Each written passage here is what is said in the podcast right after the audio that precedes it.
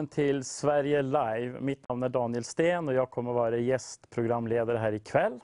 Och med oss ikväll har vi flera spännande gäster. Vi har Lilian, vi har Peter och Maria Johansson som ska få dela från sina liv. Och eh, vi har faktiskt valt ett tema för hela den här kvällen. Och eh, jag vill läsa från 1 Johannes brev 4 och vers 18. Temat för den här kvällen är Guds fullkomliga kärlek driver ut all fruktan. Och vi kommer att ha vittnesbörd kring det här temat och vi kommer även att be för flera av er här ikväll. Så skicka in era bönämnen under kvällen och följ med oss hela den här kvällen fram till klockan 10. Det står i Första Johannesbrev 4, vers 18. Rädsla finns inte i kärleken, utan den fullkomliga kärleken driver ut rädslan. Det här är en del av evangelium. Evangelium är att Gud älskade världen. Och Guds kärlek till den här världen, när du och jag får uppleva den, så driver det ut rädsla och fruktan i våra liv som binder oss. Och det är vår bön och det är min bön här ikväll, att du som ser det här, som upplever fångenskap på olika områden av ditt liv, ska kunna ta emot den frihet som Gud vill ge dig den här kvällen. Så jag tänkte att vi börjar med en bön och sen går vi över till en lovsång innan vi börjar med intervju av vår gäst. Far i himlen, jag bara tackar dig för var och en som tittar på det här programmet ikväll. Jag bara tackar dig Gud för ditt ord som är levande och kraftfullt. Att ditt ord ska gå ut idag och förvandla och befria människor. Tackar dig Jesus Kristus för att du ser var och en och du vill möta var och en precis där de befinner, befinner sig i sina liv. Tackar dig Jesus Kristus för att du är densamme igår och idag och till evighet. Amen. Nu går vi över till en lovsång här innan vi strax är tillbaka igen och eh, ska intervjua vår första gäst som sitter här i studion tillsammans med mig. Ja, välkommen tillbaka här till eh, Vision Sverige Live. Och med mig här i studio kväll har jag Lilian Karpinen. Och det är faktiskt första gången som jag har fått träffa dig ansikte mot ansikte. Vi har bara pratat vid på telefon. Mm. Så jag tänkte, kan inte du börja Lilian och berätta lite vad det du jobbar med till vardags? Mm. Ja, jo, det är första gången jag träffar dig också. Det mm. känns mm. jättebra, jättehärligt, jättekul att alltid få träffa nya människor. Eh, jag jobbar på LP-verksamheten och som är då en organisation som hjälper människor med eh, drog, drogproblem, missbruksproblem, kriminalitet och så vidare. Där vi har behandlingshem och stödboenden och eh, LP-kontakter på 80 platser i vårt land. Oj. Där har jag jobbat sen, ja, nu har jag jobbat där sedan fem år nu då, sist, men, jag, men ja, jag återkommer sen mera till det senare. Men sen jobbar jag också som evangelist i, reser utifrån LP-verksamheten då, ut i olika pingstförsamlingar i Sverige. Älskar att berätta om Jesus, jag älskar att prata om Jesus och vad han kan och vad han förmår och hur han kan förvandla liv. Amen. Så. Och det är ju lite vad den här kvällen handlar om. Mm. Um, nu kommer en fråga som du självklart har många exempel på tror jag. Men det är exempel på liv som har blivit förvandlade Mm. Där du har sett Gud använda dig, evangelium, eh, Guds kraft har gått ut och förvandlat människors liv. Du pratar om kriminella, drogmissbrukare. Mm. Mm. Missbrukare. Det är ju människor som samhället ofta gett, gett upp på. Människor som kanske har blivit avskrivet, som man säger, vi kan inte hjälpa de här. Skulle du kunna bara ge några exempel Lilian på människor som har fått sina liv för, för, för totalt förvandlade av evangelium och Guds kraft? Mm. Ja, jag, jag, kommer, när du nämnde den här frågan tidigare så då tänkte jag på en, en man som jag var i en församling och, och predika och eh, eh, han hade då bakgrund som jag såg då missbruk och eh, sen hade han också Alltså han hade väldigt mycket aggression och väldigt mycket ilska i sig. Och, och så här, jag tänkte, oj, oj, hur ska det här gå när han kommer, när han kommer fram? Men, men eh, Jesus är god, han är där, han är Amen. där och han verkar. Och, och, när han kommer fram, och så, jag ber för, får be för honom till frälsning, eh, och sen ber jag också befrielse över honom. Och det som händer där, det, det, det, var, det är ett av de häftigaste saker jag liksom fått se liksom framför ögonen. Så hur det totalt, från ett totalt djupt, djupt mörker mm. blir bara som att någon öppnar eller tänder belysningen i ett, ett rum och så blir det bara ljust. Ja. Och hur det bara strålar liksom Jesus utifrån hans ögon och han är fullständigt fri och han fattar liksom inte själv riktigt vad som hände. Men eh, den mannen fick wow. ett nytt liv tillsammans med, med Jesus. Och det här har du sett igen och igen ja. och igen? Ja. Med unga och gamla? Unga Män och, och gamla. Kvinnor. Ja, det spelar ingen roll om det är man eller kvinna eller ålder eller från vilket land man kommer. Jesus är densamme. Ja. Sen, sen har jag ju sett min egen man eh, när, när han blev frälst. Han var väldigt liksom anti att när jag hade, Jesus hade mött mig, att ska du blanda in Gud i det här nu också har inte vi problem så det räcker. Och han var kriminell, han var väldigt aggressiv, han var väldigt ja, utåt, utåt liksom, ja, aggressiv. Och, men han följer med mig på ett möte. Mm. Och när vi är på det mötet så kliver det fram en annan man som han känner igen då från Stockholms undre värld och eh, ser att vad, vad, är det som har hänt med honom. Och så börjar han berätta. Jag har mött Jesus, Jesus har frälst mig. Mm. Där bryter han fullständigt ihop och bara gråter som wow. ett litet barn och faller wow. ner på golvet och bara gråter. Och, och, när han reser sig upp igen så är han förvandlad. Han är tvärförvandlad som mm. de säger i Norrland. Mm. Totalt förvandlad och det är bara liksom Jesus över hela honom. Wow. Och så... Alltså Paulus han säger så här, jag skäms inte för evangelium i Romarbrevet 1. Mm. För det är Guds kraft till frälsning. Och vi vet att frälsning det betyder befrielse, räddning, helande. Ja. Eh, evangelium det handlar om vad Jesus har gjort och vem Jesus är. Mm. Eh, och Johannes 3.16 säger att ty så älskade Gud världen att han utgav sin enfödde son. Mm. Så Guds kärlek till människan, till en fallen värld, till de här individer som du och jag som har gjort bort oss mm. fullständigt, som har fastnat i syndens träsk och alltihopa. Evangelium är Guds budskap om hur mycket han älskade oss så mycket. Och, och, och, Det är lite tema för den här kvällen och även för du som följer med nu via TV och Facebook så är kvällens tema här att den fullkomliga kärleken driver ut all fruktan. Mm. Eh, så då min fråga lite till dig, när du ger de här exemplen, för jag vet själv när jag kom till tro som 19-åring, mm. det första som drabbade mig det var Guds frid och Guds kärlek. Mm. Och jag blev så överväldigad. Finns det en sån här frid? Mm. Och finns det en sån här djup kärlek? Jag kommer ihåg jag bara grät av lycka mm. när jag fick uppleva Guds kärlek i mitt liv. Har du sett kärlek som en förvandlande kraft i de här människorna? Jag tänker de var kanske hårda, hatiska, mm. bittra, arga, som du säger, bär på ilska som din man gjorde. Vilken roll har Guds kärlek liksom spelat i att, liksom, eller haft, haft i, i, att mm. förvandla och befria mm. människor? Ja. Jo, men alltså, om du tänker så här att människor som har levt eh, ett kriminellt, i ett kriminellt liv med missbruk, drogmissbruk och alltihopa. Man, man blir så hård, man blir så hård, alltså man blir stenhård på ja. insidan. Och det här, för, för att, att, det ska kunna ske en förändring, en förvandling i en människas liv, så jag, jag tror inte Terapi är bra, jag säger mm. inte det. Va? Men jag, jag, tror inte att det kan bryta liksom loss den här hårdheten som finns på insidan. Ja. Utan det är bara Jesus kärlek. När Jesus kärlek kommer in och berör en människa mm. så bara pff, det bara liksom smuls sönder. Mm. Kan du se liksom ett stenblock och så bara blir det bara dammkorn utav alltihopa. Och så är bara Jesus kärlek där. Så det, det, det, det, är bara det som kan hjälpa, det är bara ja. det som kan befria. För när du pratar Jesus. om tuffa kriminella män som plötsligt mm. bara ligger på golvet och gråter som små ja, barn, ja. då tänker jag, vad är det som får dem att gråta som ett litet barn? Det mm, måste mm. vara mm. någonting de har Det måste vara Guds kärlek som, ja. som, som bara sköljer över dem, mm. eller hur? Man känner, ja, nu är jag älskad. Ja, oh ja. Oh ja. Det är bara det. Det är, ju fantastiskt.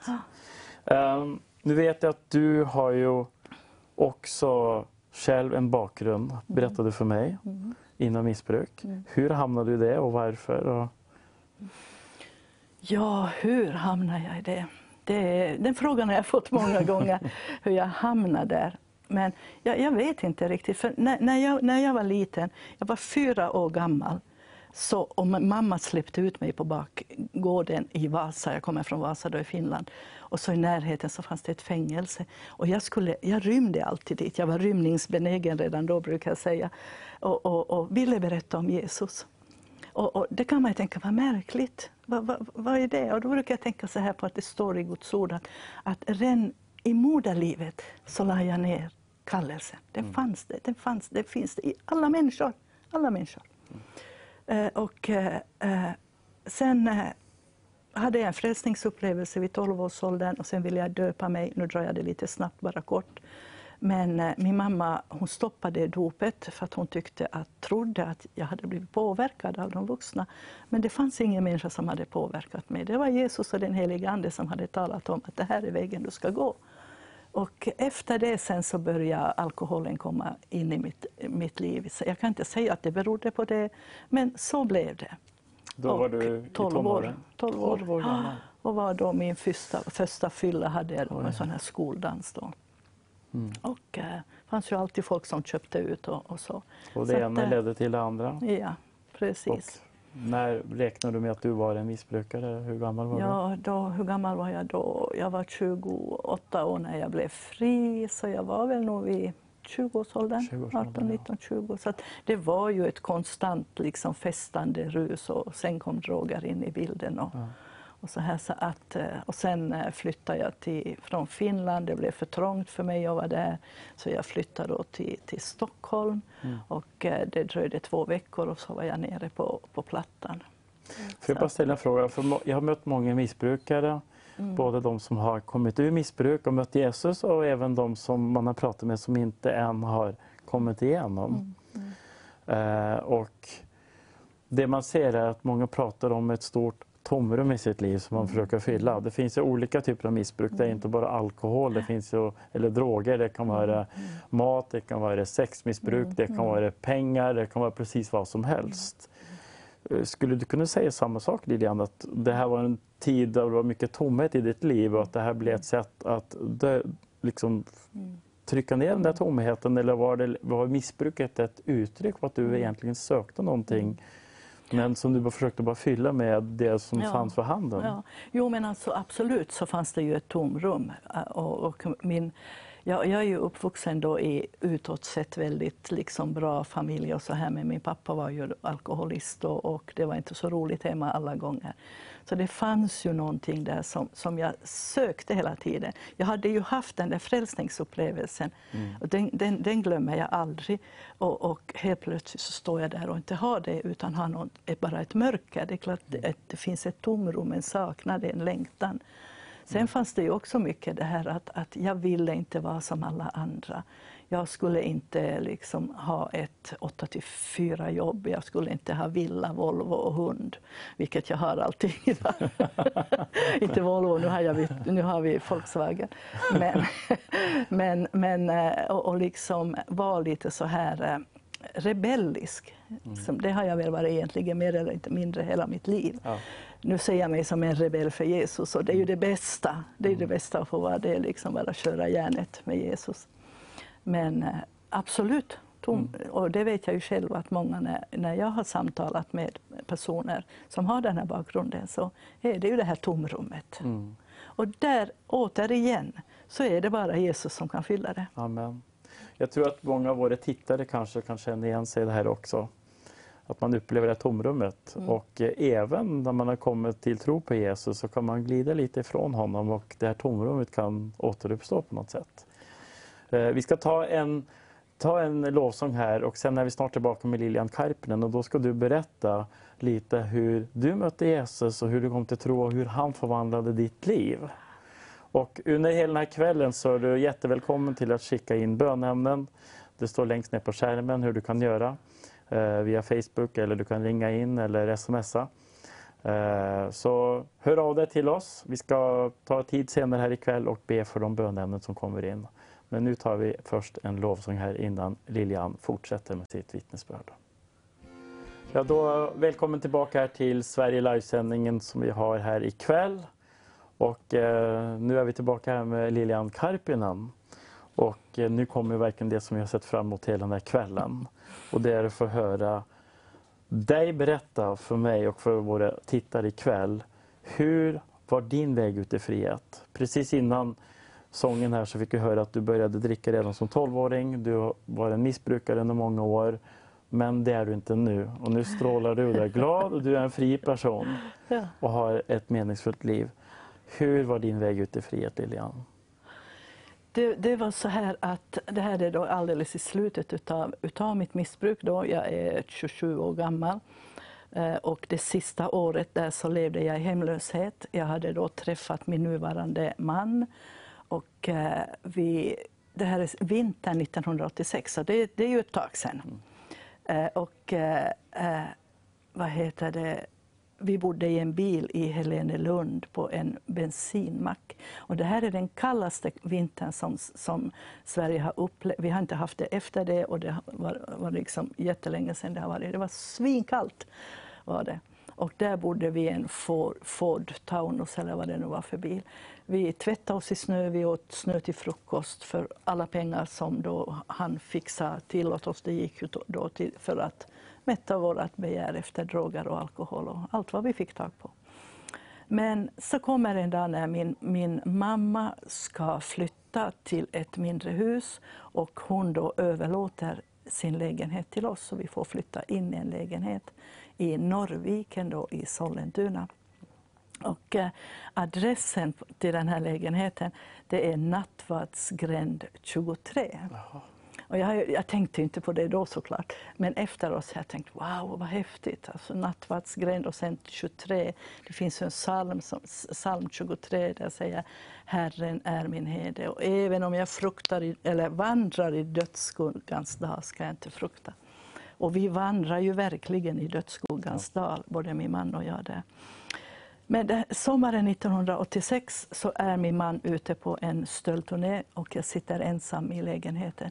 Jag hade försökt ta mitt liv flera gånger tidigare, bland annat hoppa från Finlandsfärjan, men blev räddad av en, av en person i sista sekund. Han, fick, han bara få tag i mig i armen och rädda mig där.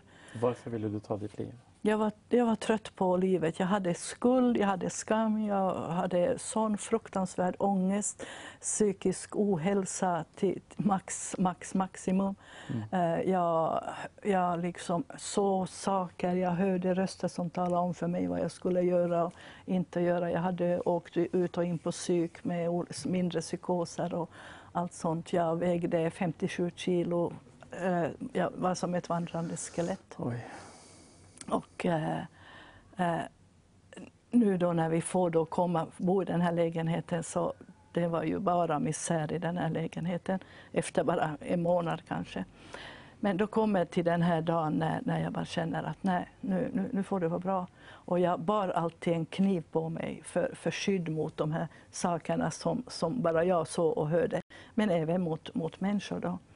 Och då tänkte nu tar jag mitt liv. Nu är det ingen nu min, min vad heter det, man är borta, för då hade vi också gift oss mitt i alltihopa där. Eh, och eh, ingen vågade komma hem till oss och besöka oss, för vi var fullständigt oberäkneliga båda två. Och jag tänkte, nu är det ingen som kan stoppa mig. Ingen mm. kan hindra mig här nu. Vad jag inte hade räknat med, det var den Jesus som jag mötte när jag var 12 år gammal. Mm. Jag hade inte räknat med att han skulle dyka upp.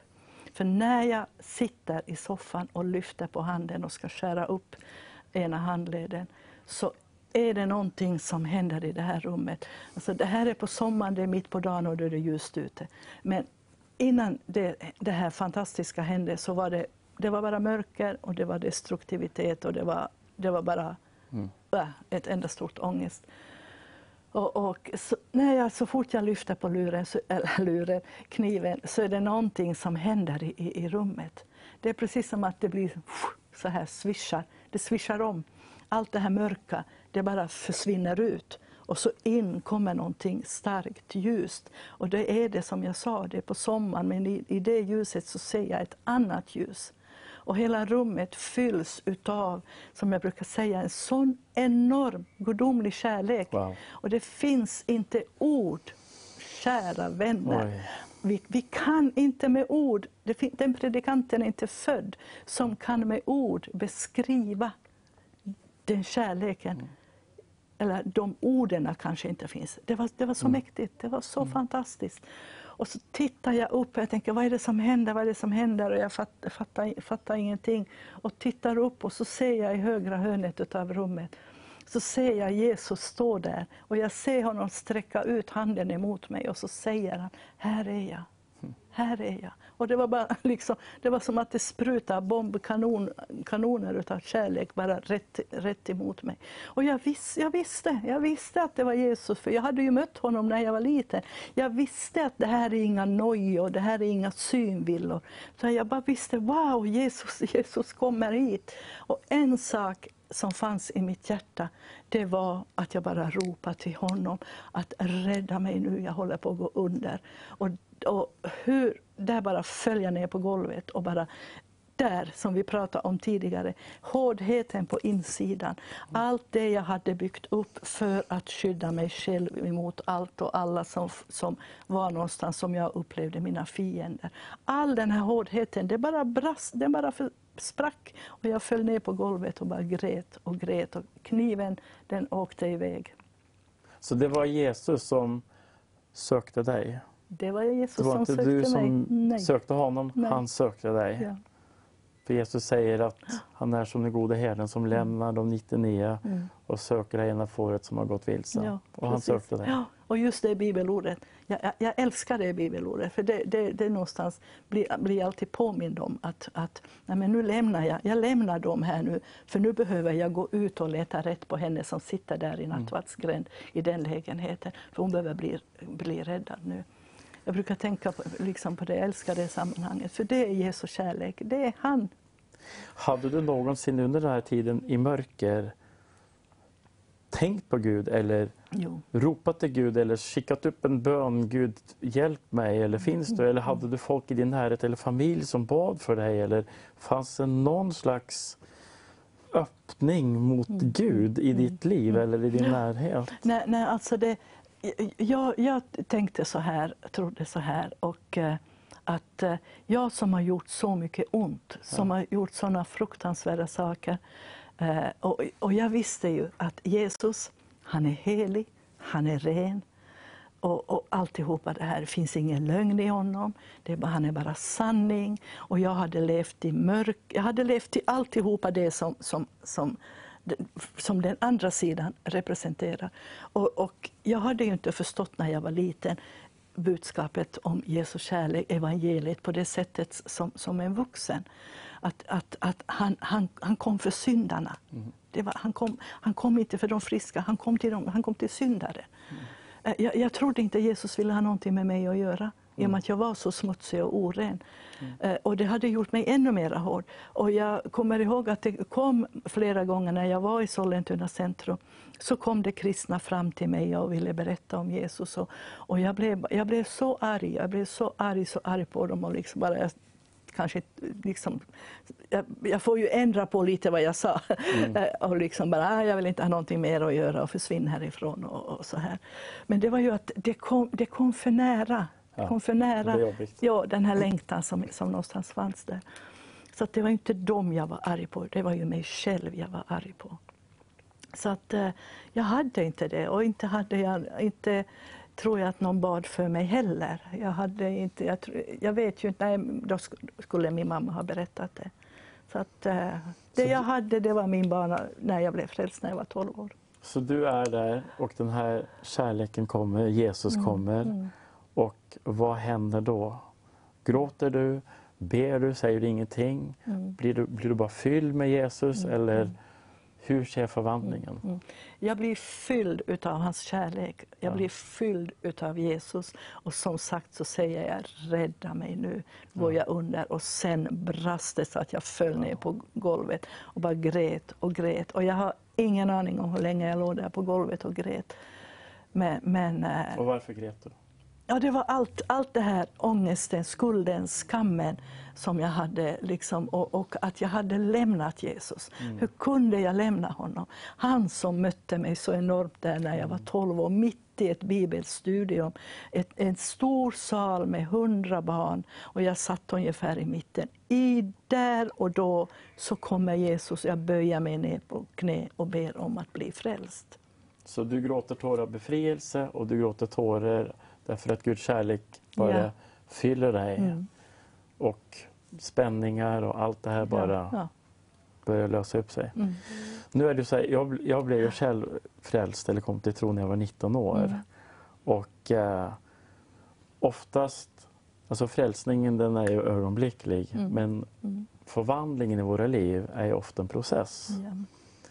Eh, vi skulle önska att direkt när vi möter Jesus så är allting på plats, allting Mm. fixat och ordnat och sen är vår karaktär och vår tro och allting Och precis som det ska vara, tipptopp.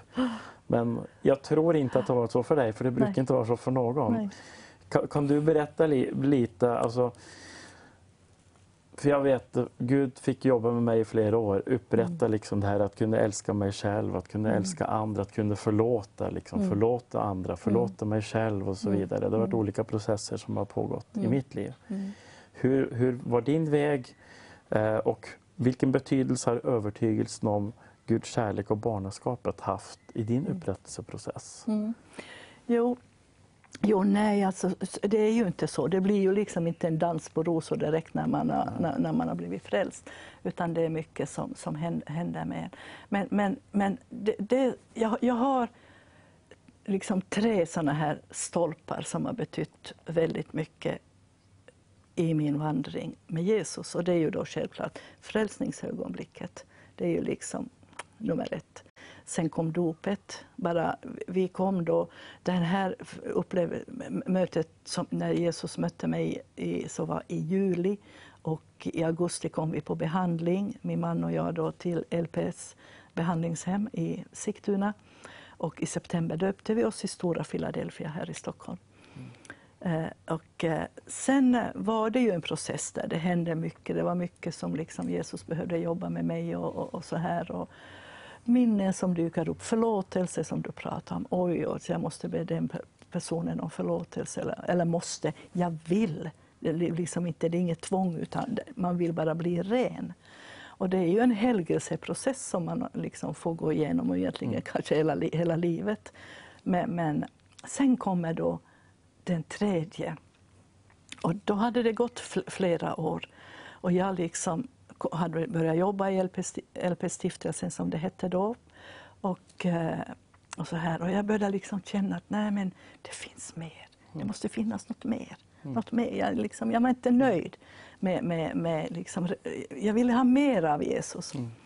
Och, eh, jag hade väldigt mycket min identitet i före detta missbrukare att jag var före detta missbrukare. Det är jag, jag kommer alltid att vara och jag skäms inte för det.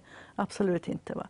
Men, men när identiteten blir i det, då, då blir det inte riktigt bra. Inte för mig i alla fall, det blev inte bra. Då, då, alltså Jesus är så, han är så fantastisk, Ja. det, det vet du. Jag behöver Ja. inte tala om för en pastor. men men, men äh, äh, då, då kom han liksom och, och eh, börja tala till mig och undervisa mig utifrån Guds ord. Och fråga inte nu, för det är flera ställen var och exakt så här. Men, men, men att Lilian, du har din identitet i mig. Ja. Att min identitet är i Jesus Kristus. Och då blev det den här att, att, att jag är hans dotter. Att han, han, han älskar mig med evig kärlek. Och jag tänker på det ordet älska. Jag menar, vi har två ord i svenskan, älska och kärlek. Men i grekiskan så finns det väldigt många ord med älska. Men det ordet där Jesus använder, det är den här eviga, outtomliga, enorma kärleken. Du är min dotter. Och när jag förstod, och det är ju egentligen grunden i allt det här med identiteten, så är ju det att, att, att vi, vi, vi förstår verkligen hur älskade vi är utav Jesus. Alltså det förvandlar mitt liv. Ring och fråga min man, han kan intyga. alltså, det gav mig en enorm frimodighet. Och jag, jag, visste, jag visste, jag bara visste, jag bara visste vem jag var i Jesus Kristus. Jag är inte längre före detta, den här före detta pundartjejen som sprang och härjade i Stockholm. Jag är en ny skapelse i Jesus Kristus. Och det är inte nog med det, jag är hans älskade dotter. Underbart. Jag behöver inte prestera Oj, mig oj. fram, utan han, det är liksom, vad heter det fina ordet, prestigelös. Mm, prestigelös. Ja. Jag hoppas verkligen att du som följer oss och ser det här kan ta till dig det här. Det finns en sång som går så här, frihet har ett namn, namnet Jesus. Och det är precis vad det här handlar om. Och eh, Jesus han vill komma med frihet till dig. Om du känner dig bunden, om du känner dig fast i något. Vi ska snart komma tillbaka här en sista gång med Lilian Karpinen. Eh, men innan det så ska vi lyssna på ett kort eh, budskap från min gode vän Christian Dennesen, pastor i Göteborgskyrkan. Han kommer på nu, så vi kommer snart tillbaka igen.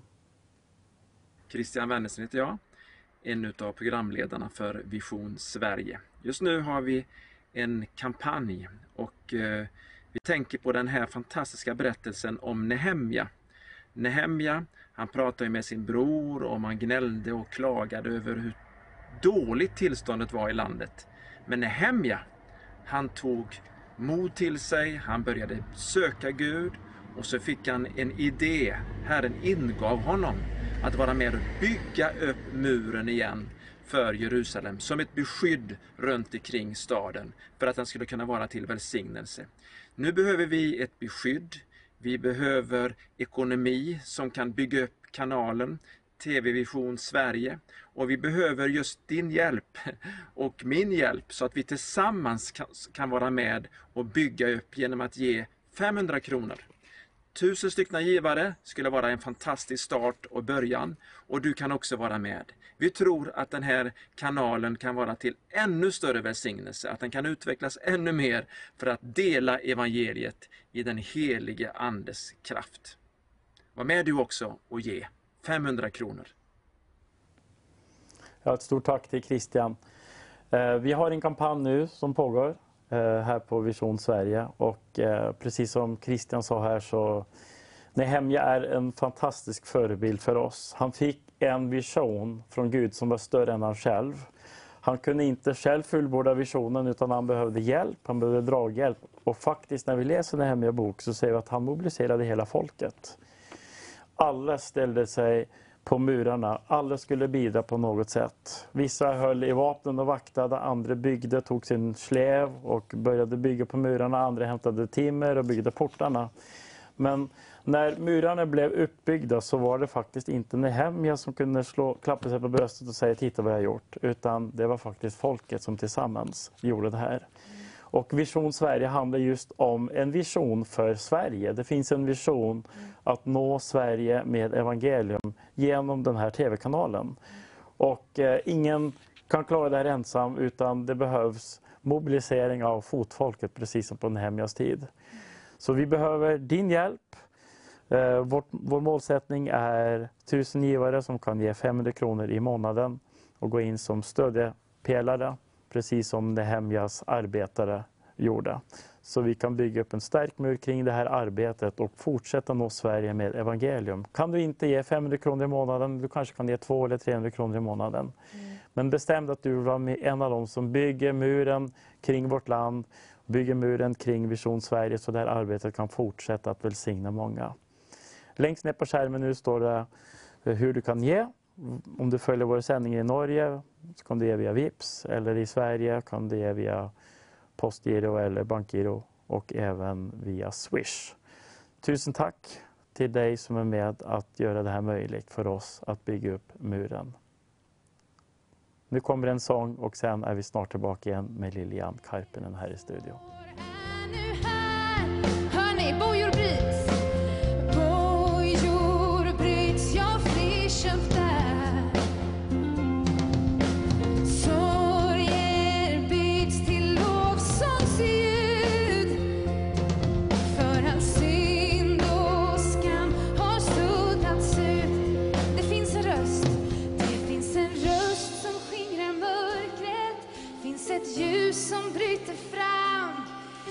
En sanning som befriar. Han är den som övervann. Sjung ut!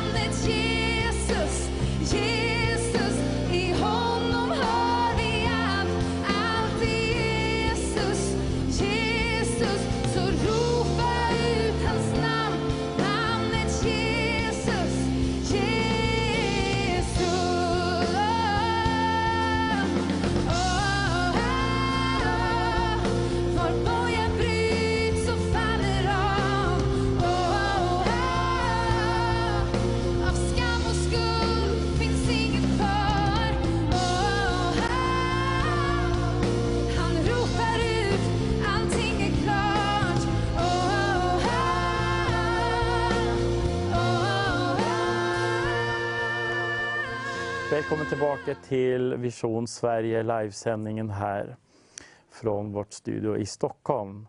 Och eh, Lilian Karpen är fortfarande med mig och det har varit fantastiskt spännande och inspirerande att höra ditt vittnesbörd om vad Jesus gör. Han är verklig, han lever idag.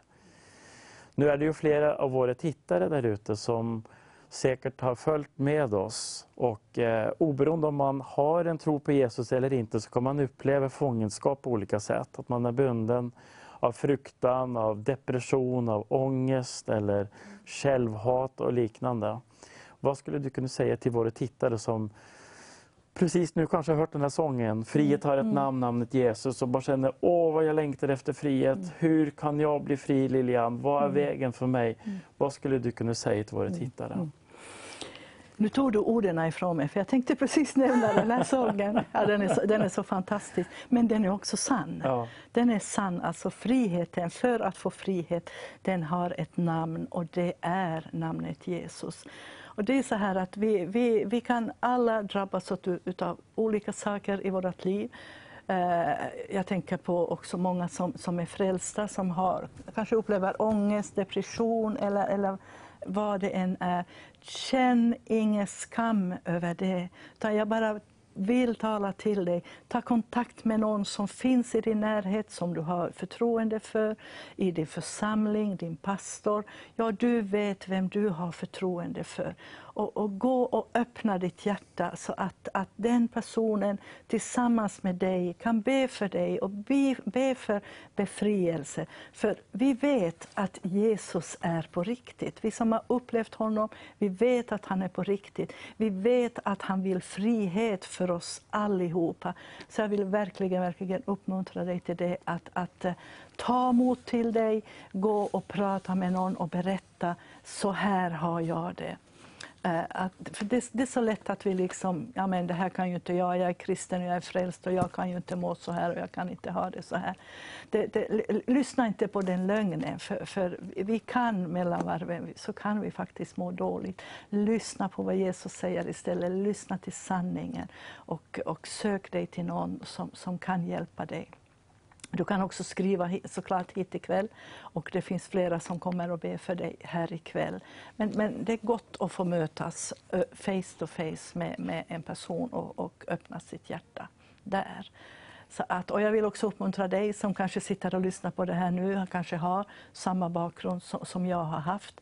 Du hörde vad jag sa, Jesus är på riktigt. Utan, utan Jesus hade det inte varit möjligt att jag hade fått sitta med här idag. Jag hade inte levt idag om inte Jesus hade kommit in och för, totalt förvandlat både min mans liv och mitt liv. Han kan göra precis samma sak för dig. Så behöver du hjälp och stöd så kan du gå in på, på exempelvis våra LP-verksamhetens hemsida som är lpverksamheten.se. Och där hittar du kontaktuppgifter och du kan ringa. Och där finns även mina kontaktuppgifter. Så välkommen och hör av dig. Och jag önskar dig all Guds välsignelse. Amen. Jag bara tänkte också på det här inför den här sändningen. Så jag satt hemma och funderade och tänkte så här, hur blev människor fria på Jesu tid? När Jesus vandrade på jorden i evangelierna, hur fick de sin, sitt mirakel, sitt genombrott, sin frihet? Och det är inte så där jättesvårt egentligen. Eh, och det slog mig, det var tre saker människorna gjorde. Det första de behövde göra var att komma till Jesus. Och Lilian berättade hur Jesus kom till henne. När jag kom till tro så var det faktiskt Jesus kom till mig, jag sökte inte honom. Paulus är ett annat exempel, Jesus kom till honom. Men andra eh, exempel i evangelierna så ser vi att människor kom till Jesus. Det var inte alltid Jesus kom till dem, utan Bartimeus, Sackeus och andra, de, de, de mötte Jesus där Jesus var och kom till honom. Och det är tre saker som gör oss fria. När vi kommer till Jesus så möter vi hans närvaro. Det var det Lilian berättade om förut här. Kärleken från Jesus som fyllde honom. Jesus, Gud, är kärlek. När man får möta Jesu närvaro så kommer friheten till oss. Det första vi behöver göra för att bli fria är att vi kommer till Jesus. Det andra vi behöver göra, som kvinnan med blodgång gjorde, i, i evangelierna, det var att hon rörde vid Jesus. Vi kommer till honom, de kom till Jesus och ibland är det vi som vidrör honom, ibland är det han som vidrör oss. Men när vi berör Jesus, eller när vi rör vid Jesus, så rör han alltid vid oss. Kvinnan med blodgång, hon rörde vid Jesus och då fick hon en beröring från honom och blev fri. Och det som händer när vi rör vid Jesus är att hans kraft går in i oss och gör oss fria. Vi hörde förut att evangelium är Guds kraft till befrielse, till räddning. Vi kommer till Jesus, hans närvaro gör oss fria. Vi rör vid Jesus, hans kraft gör oss fria. Men sen är det någonting mer som händer när vi kommer till honom. Och Det är att han talar ord av frihet in i våra hjärtan och in i våra liv. Jesus sa själv, de ord jag talar är sanning. Och sen säger han, sanningen ska göra er fria. Um, när vi lyssnar till Jesus, precis som Lilian berättade förut, han fick berätta för henne vem hon var, ge henne rätt identitet. Hon var ingen förlorare, missbrukare, hemlös, utan hon var Guds älskade barn. Vi behöver lyssna till Jesus så hans ord och hans sanning kan komma in och förvandla våra liv. Så du som sitter där hemma ikväll och längtar efter frihet, efter befrielse. Kom till Jesus, låt hans närvaro befria dig. Rör vid Jesus och låt hans kraft förvandla dig. Lyssna till honom och låt sanningen befria dig. Slutligen Lilian så skulle jag vilja ställa en fråga här på slutet. Eh, Jesus eh, talar i Matteus 24 om saker som ska hända innan han kommer tillbaka. Och det är inte bara bra saker, tyvärr. Han säger att evangelium ska gå ut över hela jorden, det är fantastiskt. Och du är ju aktiv i att predika evangelium. Men han säger en sak som inte är lika roligt att läsa och det är att kärleken ska kallna i den sista tiden. Laglösheten tar överhand. Det är något som vi ser i Sverige och många länder. Kriminalitet ökar, eh, ungdomsrån tilltar, man hör om saker som man aldrig hörde förut. Äldre människor blir nedslagna på gatan och rånade mitt på dagen. Saker som inte hände för 15-20 år sedan. Så vi lever i en tid och en miljö där kylan utbredde sig, de kalla hårda hjärtan, de finns överallt runt omkring oss. Så då tänker jag på vi som har mött Jesus, hur kan vi bevara oss i Guds kärlek? För det står i Bibeln att vi ska bevaras i hans kärlek. Hur kan vi hindra våra hjärtan från att kallna i vår relation med Gud och med andra i en sån värld som vi lever i nu, där det är så mycket kyla runt omkring oss? Ja, det står ju också på, på flera ställen där att, att hålla er vakna, att vi ska vara vakna. Och vi ska vara vakna för det som liksom, och se, se de här tidens tecken. Men, men jag, jag tänker också så här, har, det, det är två bibelord som har följt med mig eh, under många, många, många år. Och det är Paulus som, som säger så här bland annat att eh, jag vill lära känna Kristus och kraften ifrån hans uppståndelse. Eh, och det, det här är, är någonting, för jag menar, han, han, han, jag vet inte hur många år han hade varit frälst när han sa det, men jag har för mig att det var ganska många, många, många år. Och det, det liksom räcker inte med att ja, men jag har liksom läst Bibeln och, och that's it. Om vi börjar slappa med det. För, för jag ser det här Bi- Bibeln som att umgås med, med Jesus, att umgås med ordet. Att, att ha den här liksom längtan, få den här längtan efter att, att, att ja, men, jag vill umgås ännu mer med Guds ord. Jag själv har fått uppleva det gång på gång på gång som helige Ande har kommit och påmint mig om att Lilian, gå tillbaks till ordet, gå tillbaks till ordet. Framförallt nu under den här coronapandemin som vi har varit i. Eh, eh, där så mycket, liksom, vi har inte ställt, om, ställt in, men vi har ställt om.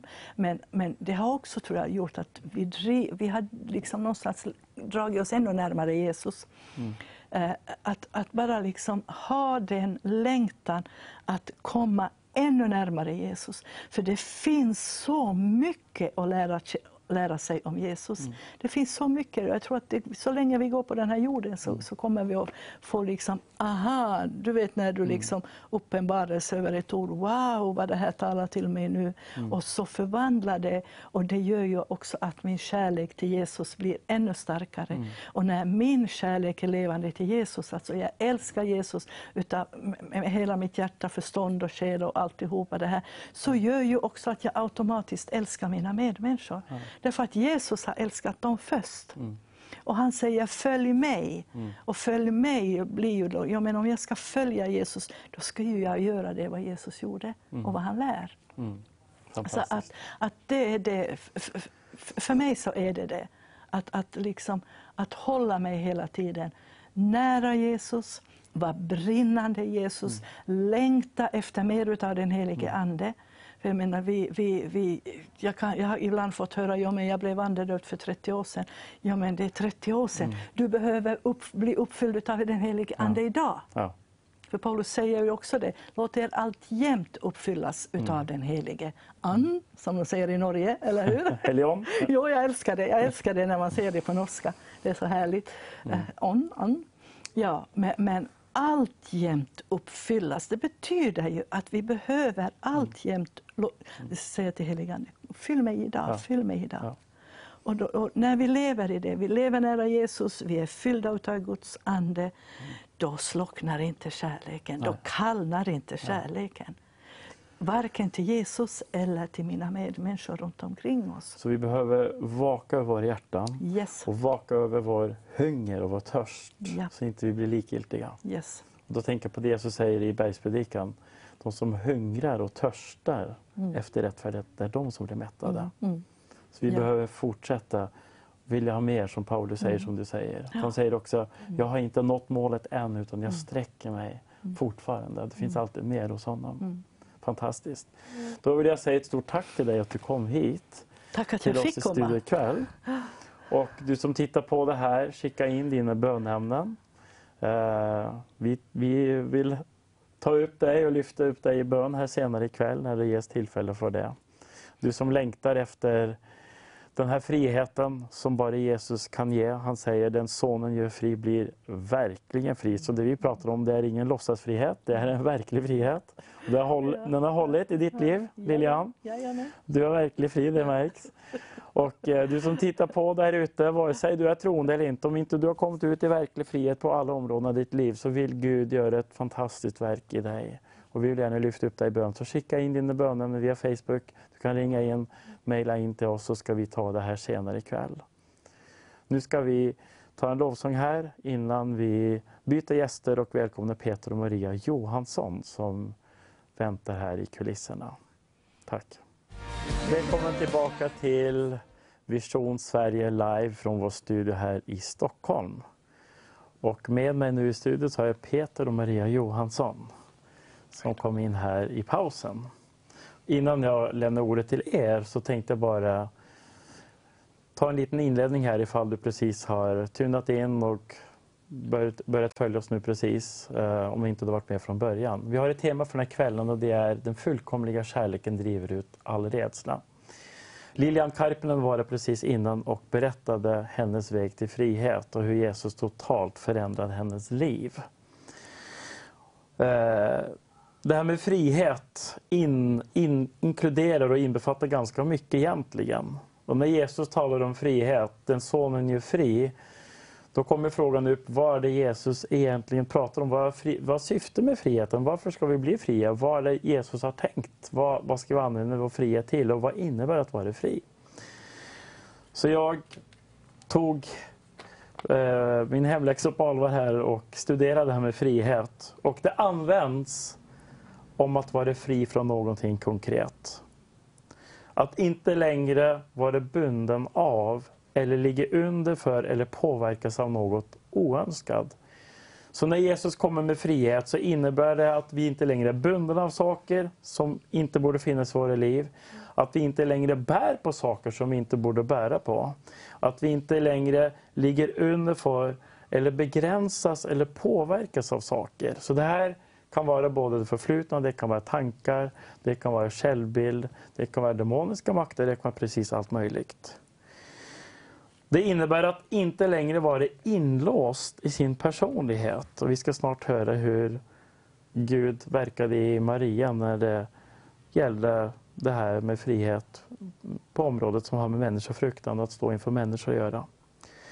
Frihet handlar om att ha en kraft att kunna agera och använda de förmågor, de gåvor, de möjligheter som Gud har gett till dig och mig utan att något håller oss tillbaka. Det innebär att vi är kapabla, skickliga, dugliga, i god form. Så vi är obegränsade, obehindrade och tillgängliga för Gud utan några inskränkningar. Det är ju helt fantastiskt det här. Jag predikar mig själv salig nu. och motsats till frihet är att vara bunden, reserverad, blockerad, instängd, begränsad, fängslad, förhindrad, svag, reducerad och nedtryckt. Så när vi pratar om frihet i Kristus så vet du nu vad det egentligen handlar om. Och där, då vill jag gå över till Maria och Peter. Och jag har väl känt er sådär ungefär 15 år tror jag. Mm. Jag lärde känna er när jag kom till Katrineholm som pastor 2004. Och det var kanske 2004 eller 2005 som jag började lära känna er lite. Mm. Och eh, jag är glad och lycklig när jag tänker på er. Och jag ser en resa, en fantastisk resa som ni har gjort. Eh, för 15 år sedan så var inte du samma person som du är nu Maria. För mig är du en totalt annan, annan, annan människa. och det har ju påverkat Peter också, ska jag säga, mm. båda två. Är ju helt andra människor och det är en helt annan frihet över ditt liv. Mm. Och jag vet en av de sakerna som, som vi tittade på och pratade om innan det här programmet, det var det här med människofruktan. Mm. Det är liksom att för dig att vara med i tv-rutan, du har varit på radio, du har varit runt en massa kyrkor och delat ditt vittnesbörd igen och igen och igen. Det var liksom inget naturligt för dig. Så, hur, hur, har det här gått till egentligen? Ja, hur har det gått för du är en annorlunda person. Det är inte bara att du gör andra saker utan precis som vi hörde här med frihet. Det handlar om att använda de möjligheter och gåvor som Gud har gett en. Och det är det som jag ser nu i ditt liv. Hur kom du dit? Jag fick möta Guds kärlek. Ja. Och blev förvandlad. Eh, jag har alltid haft väldigt, väldigt svårt att stå i centrum överhuvudtaget. Och eh, varit väldigt rädd att stå och prata inför folk. Och när jag gick i, i eh, mellanstadiet så förstärktes det där ganska mycket. Jag eh, talade väldigt lågt och vi fick en ny magister. Och varje gång jag skulle svara på en fråga så sa han inför allihopa, va, vad säger du? sa han två, tre gånger. Så alla i klassen började skratta och det här höll på i två års tid. Och det gjorde att jag blev ännu mer tyst, mm. tystlåten. Och eh, det var en o... Jag, jag, kunde inte hantera de känslorna som kom med det. Mm. Jag blev förlamad av fruktan helt enkelt. Så mm. svårt var det. Mm. Så att för mig, att stå inför människor, det var helt, helt otänkbart. Mm. Men eh, Gud har ju sina vägar. Han vet ju hur han ska förändra inifrån och ut. Mm. Och på något sätt, när man lär känna Gud, som jag gjorde på det sättet, så har han liksom lager på lager har skalats bort och jag förstår att han är god. Mm. Jag tänkte på det vi pratade om förut när Lilian var i studio här. Mm. Att ofta är ju det här en process. Mm. Det är liksom inte man vaknar en morgon och sen står man inför 10 000 personer och aldrig rädd igen. Utan det är en, det är en process. Mm. Och eh, jag vet själv från mitt eget liv så, in, så innebär den processen också att man behöver ta steg i tro. Mm. Man kanske inte bara kan sitta på soffan där hemma och säga Gud befria mig från människofruktan och bara sitta och vänta år efter år. Utan det är vissa steg man måste ta. Ja. Har det varit så även för dig att du har känt att fast har kanske varit lite skakigt, jag måste ta det steget och våga göra det jag inte gjort förut, kanske våga och och exponera mig, våga lita på att Gud liksom kan använda mig. Och... Ja. Ja, alltså, det var så här att jag var så inlåst i den här fruktan så jag kunde inte själv bryta loss, mig loss ur det. Så att eh, på något sätt så behövde någonting brytas över mitt liv först. Ja.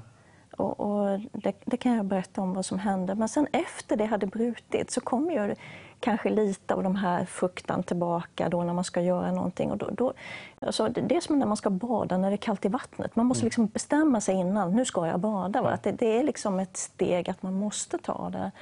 Men, men just den här paralyserande fruktan, den behöver nog brytas eh, många gånger. Och det, det tror jag bara är Guds kärlek som kan hela det på insidan.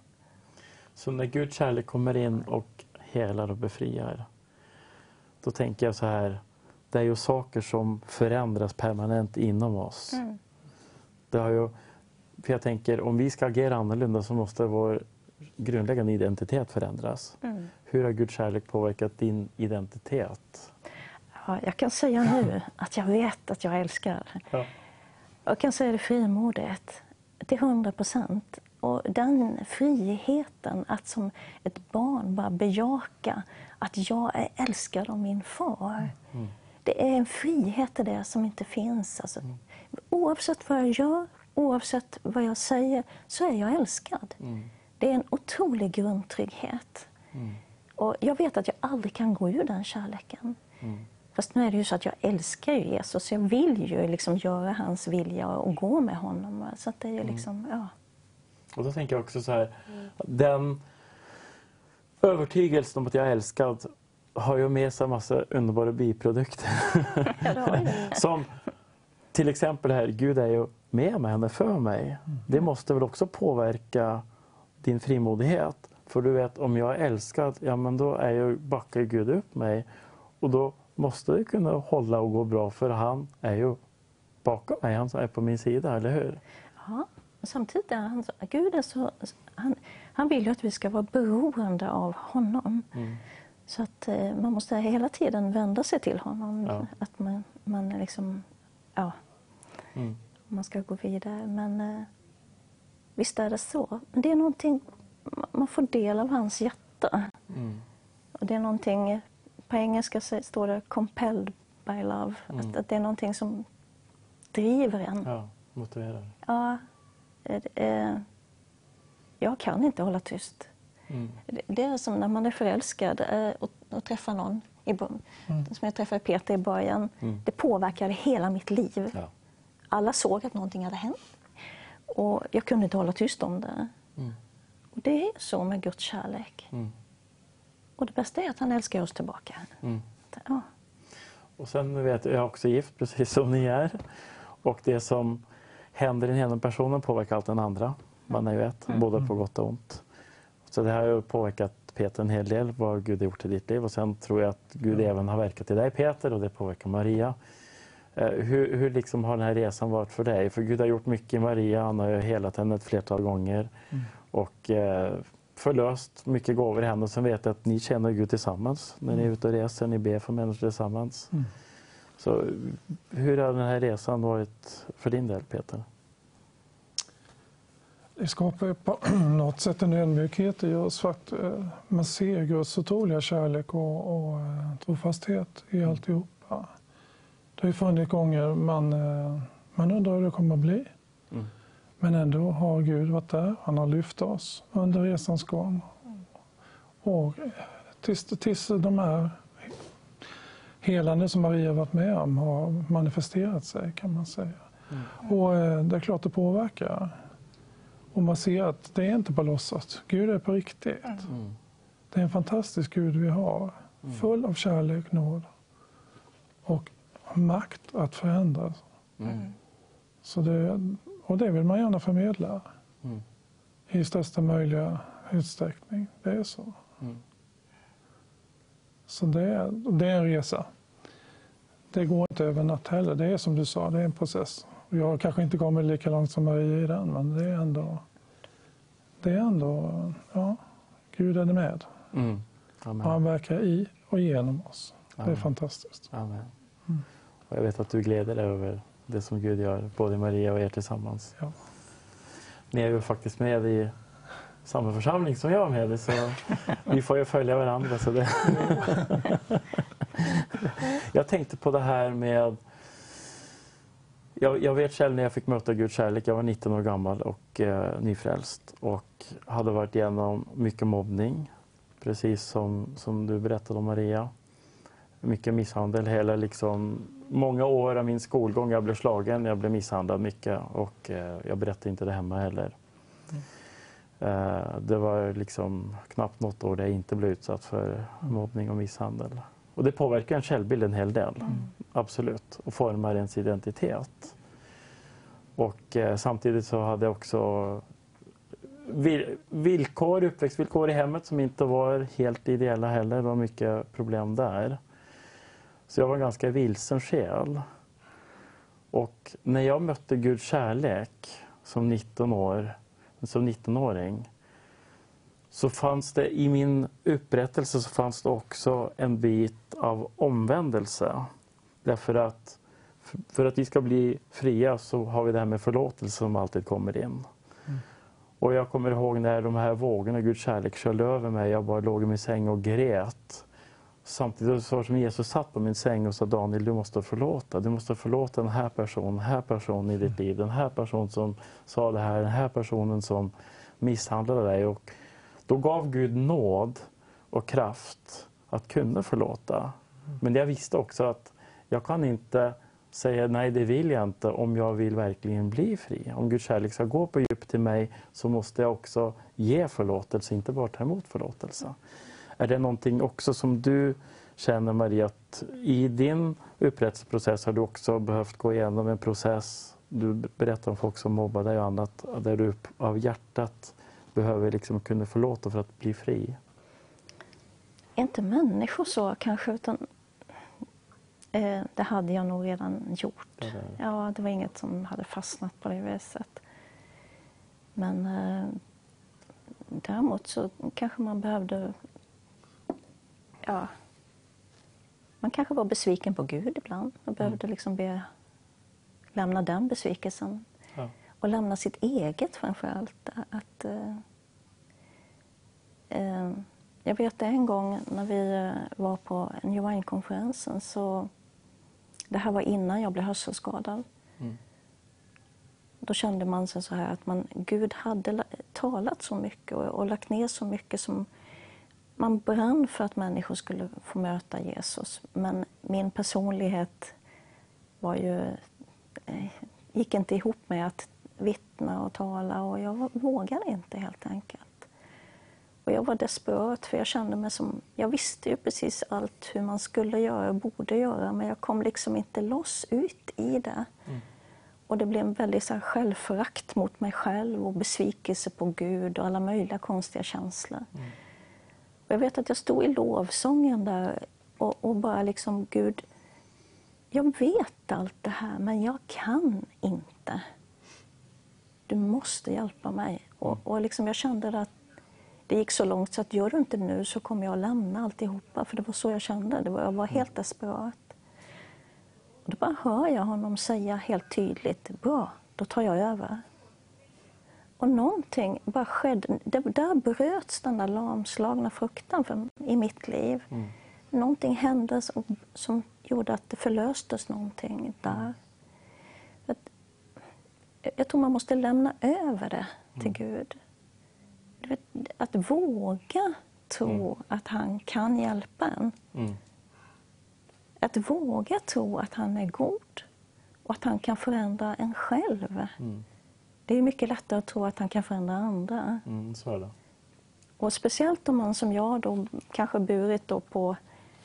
Ja, jag hade aldrig haft bra självförtroende och tyckt... Jag är väldigt medveten om mina svaga sidor, om man säger så, och varit det hela mitt liv. Jag, jag tror att många människor kan leva med bundenhet, fast de döljer det, för det finns en skam i det också.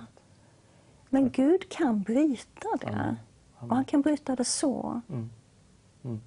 Och sen behöver man kanske om och om igen komma till honom och ta emot av hans kärlek om och om igen. För jag brukar säga att man blir som en sån här torr skorpa. Man behöver doppas i kärleken många gånger innan, innan man blir mjuk på insidan. Ja. Att, eh, Ja.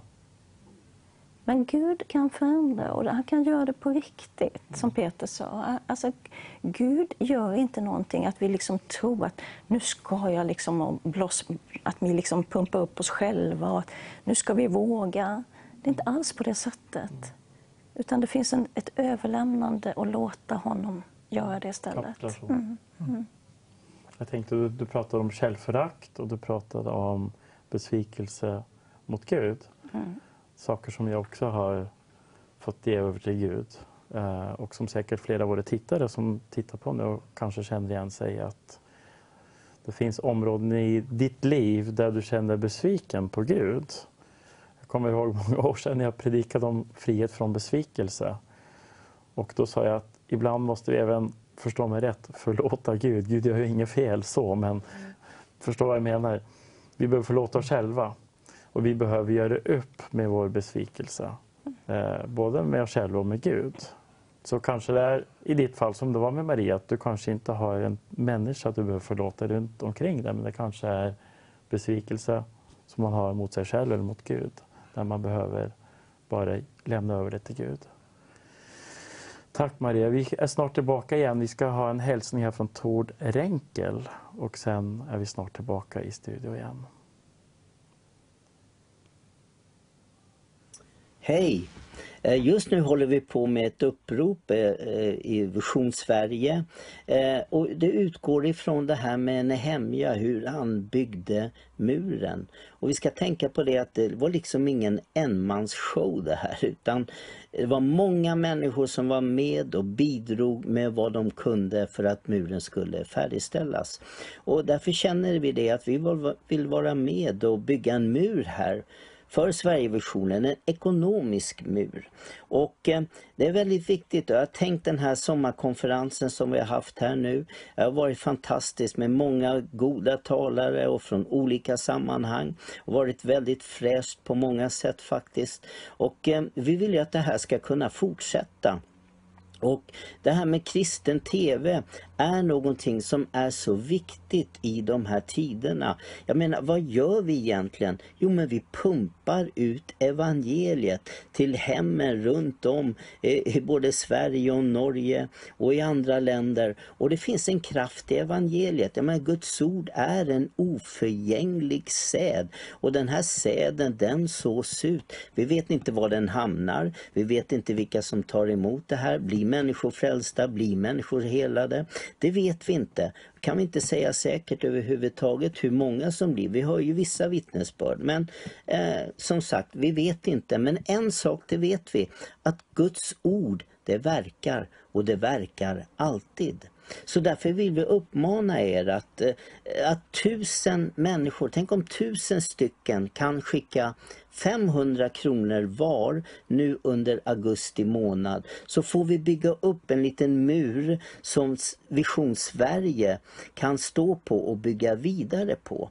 Eh, och eh, du kanske tycker att 500 låter mycket, ja men du kanske kan dela med någon polare eller du kanske kan engagera någon cellgrupp för det här så att eh, eh, det är ingen stor summa pengar egentligen. Eh, men det gör så väldigt mycket. Så eh, jag vill uppmuntra dig till det och jag vill också uppmuntra dig till en annan sak. Och, och det är det här att jag, vi har varit missionärer i många år, jag och min familj. Och, eh, eh, under den tiden så har vi haft, vi har haft understödjare, mest ifrån Sverige och från enskilda personer och från olika församlingar. Och, eh, eh men, men liksom sen har man fått leva mycket i tro. Och man, ibland har man haft den här lilla, vad ska man säga, Eh, eh, den här eh, längtan efter de här stora fantastiska mirakelgåvorna. Och jag vet att en gång när vi var i stort behov så, så fick vi en gåva på 10 000 dollar. Och för mig alltså det var ju som himmelriket öppnade sig, hjärnan fick kortslutning. Och man blev ju glad och man jublade över denna fantastiska gåva. Men sen efter det så har jag tänkt på det att ja, men det är inte de här stora gåvorna som bygger Guds rike.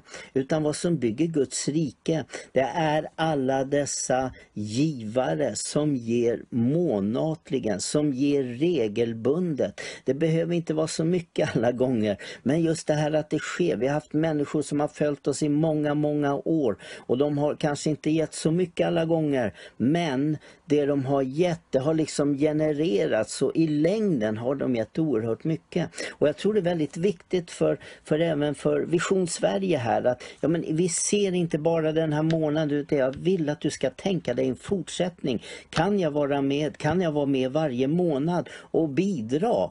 Vi har 500 kronor den här månaden. Var gärna med det, satsa på det. Men tänk på det att ja, men kanske att du kan fortsätta på en onatlig basis och bara välsigna för denna kanal behövs i Sverige idag.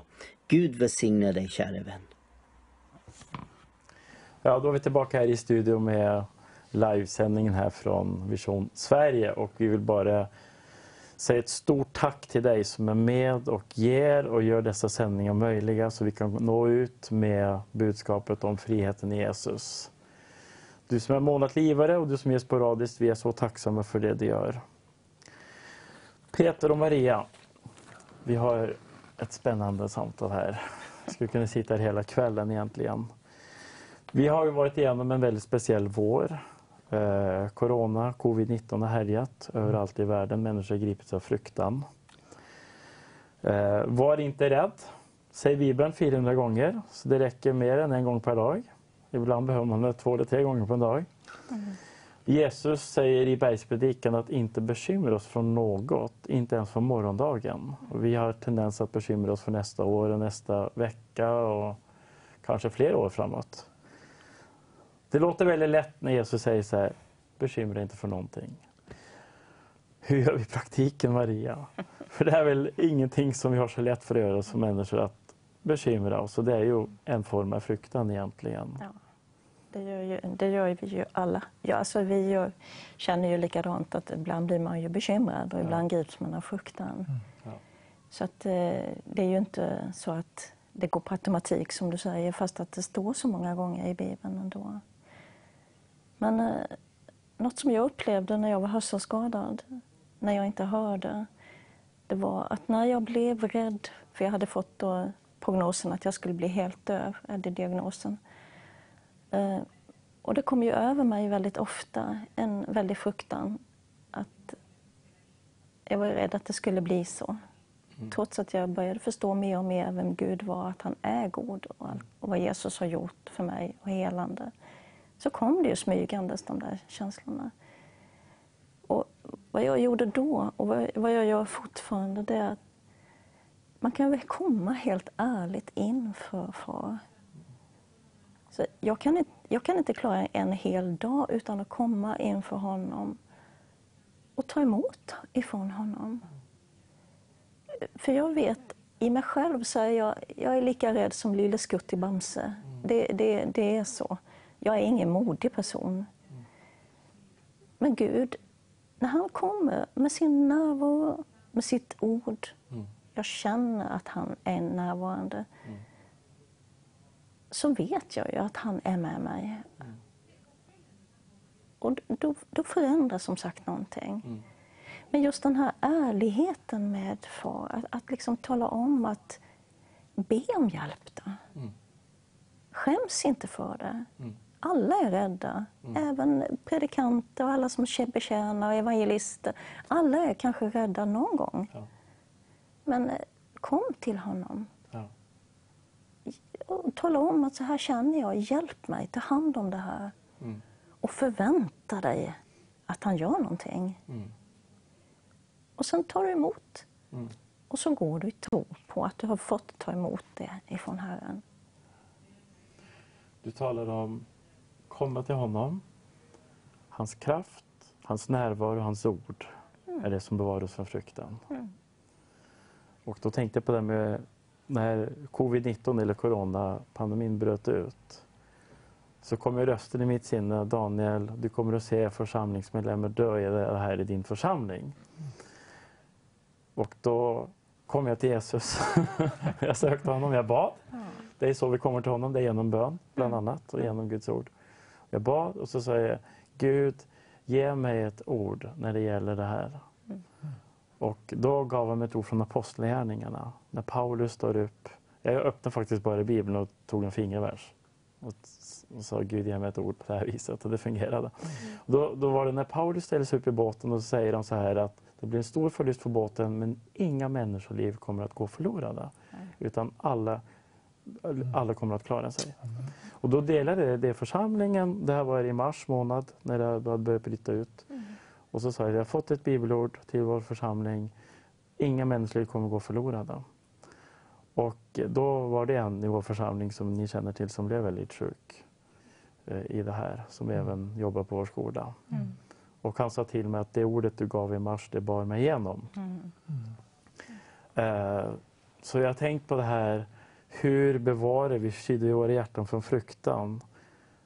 Vi behöver Guds löften att stå på. Vi behöver Guds ord, Absolut. eller hur? När det stormar. Och Och det är väl lite det Jesus berättar om i, i den här liknelsen om huset. När stormen och vinden och vattnet forsar mot huset. Men det var byggt på klippan och klippan, det var, säger Jesus, det är ju hans ord. Nu vet jag Peter, det var ett tillfälle inte så länge sedan, du var svårt sjuk.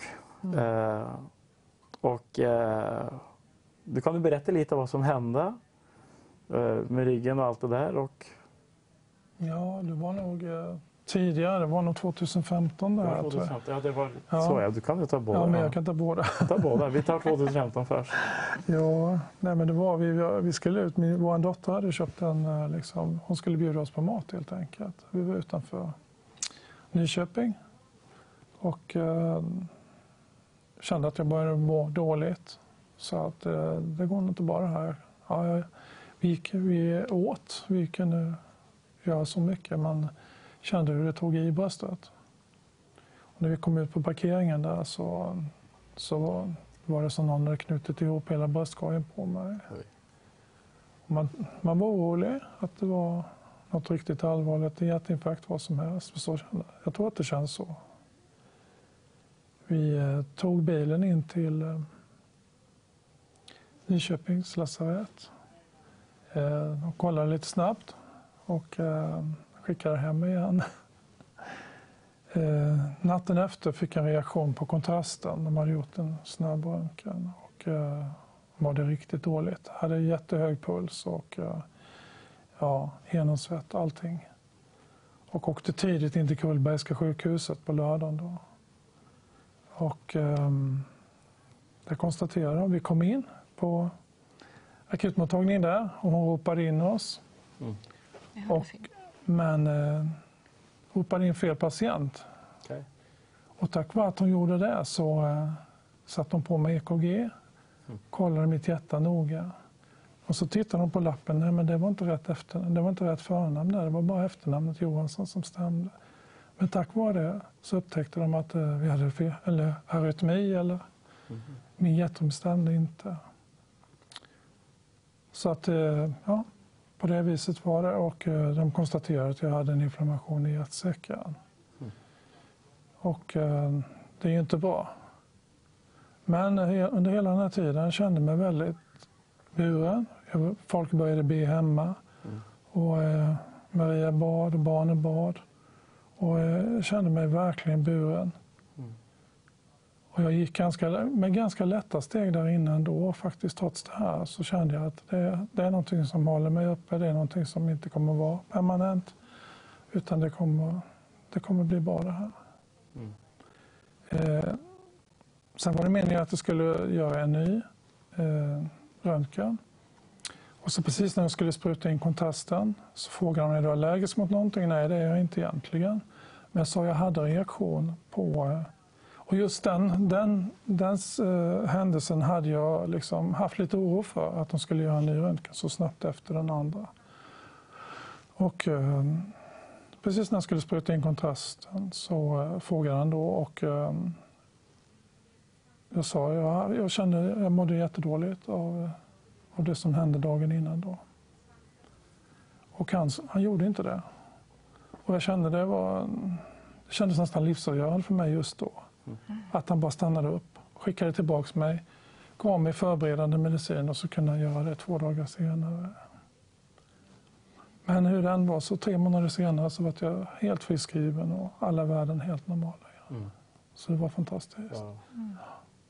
Men eh, ja, man kände sig så omsluten att, eh, och så trygg i att Gud var där och Amen. Gud var med. Amen. Det var helt fantastiskt. Amen. Och jag, jag eh, hade på, när Peter blev då hemskickad från Nyköping. På, på, det här var ju också under den perioden när jag inte hörde. Eh, jag hade tappat 80 procent av min hörsel. Och jag hörde ju inte i telefonen. Jag kunde ju inte ringa. Och eh, när Peter kom hem på natten och jag kände att han hade fått feber. Han, och- jag vaknade på natten av att han andades jättekonstigt. Och jag kände andedräkten och så la jag, sträckte ut handen och kände på ditt hjärta så här. Och jag kände hur det slog jättekonstigt. Och jag var ju jätterädd. då fylldes man med fruktan. När det, för jag tänkte, vad gör jag? Jag kan inte ringa. Jag, jag kan säga, men jag hör inte vad de säger. Jag, jag, liksom, vad ska jag göra? Så jag fick sån här riktig, riktig fruktan kom över mig. Men jag vågade inte gå upp. Och jag, jag vågade inte tända lyset och be. Och jag vågade inte tänd, väcka honom. Utan jag, jag bara låg där med handen på hans hjärta. Och så bara började jag tala med Gud. Och så bara hör jag plötsligt, jag hör Gud skratta. Mitt i det här. Och så säger han, ända tills ni är grå har jag burit er och jag ska fortsätta bära och rädda er. Och så tittar jag på Peter. Och så, och så, det var väl lite ljust då i, i sovrummet. Och så, ja men han är ju redan grå herre, så jag.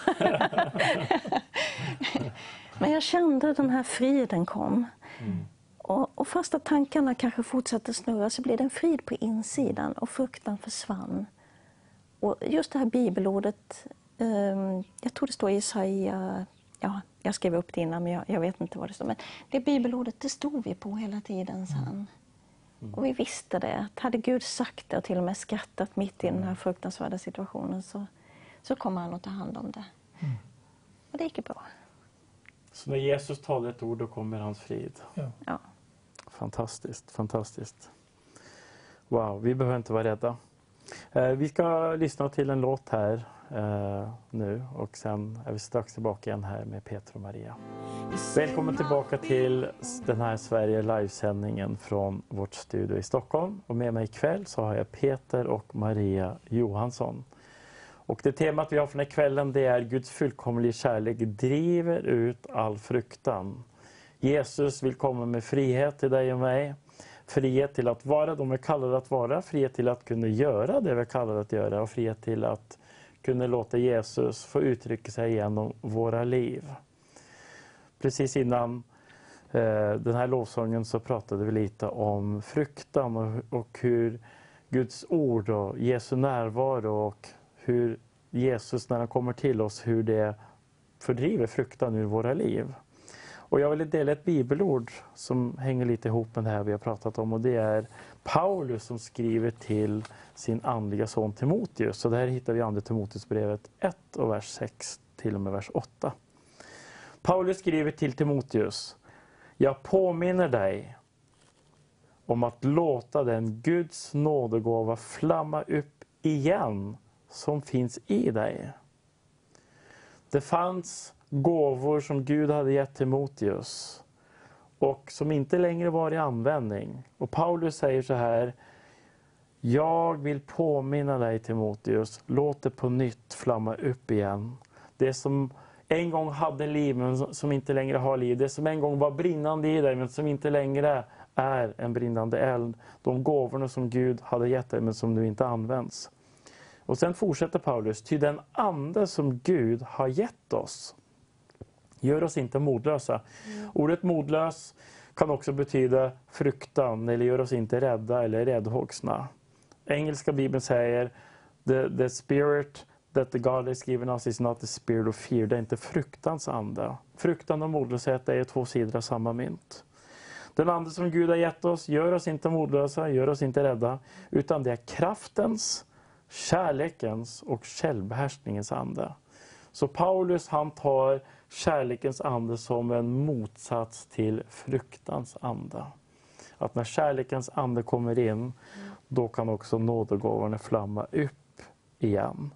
Och sen säger Paulus i nästa vers, skäms alltså inte för vittnesbördet om vår Herre Jesus och inte heller för mig. Med andra ord, var inte rädd, var inte inlåst, var inte inbunden till Motius. Våga öppna din mun. Och jag tänkte så här Maria, jag tror att det är säkert flera som tittar på det här och som kan känna igen sig i din berättelse. Vi har säkert många troende syskon som följer med på den här sändningen. Där Gud har lagt ner gåvor, för det har han gett till alla. Alla har fått gåvor från Gud. Men där de kanske inte används. Mm. Kanske inte på ett tag, kanske i vissa fall, kanske aldrig. Och du berättade förut att det var en paralysering i ditt liv. Du bara kände, Gud vill det här, Gud har sagt det här, men jag förmår inte bryta mig loss.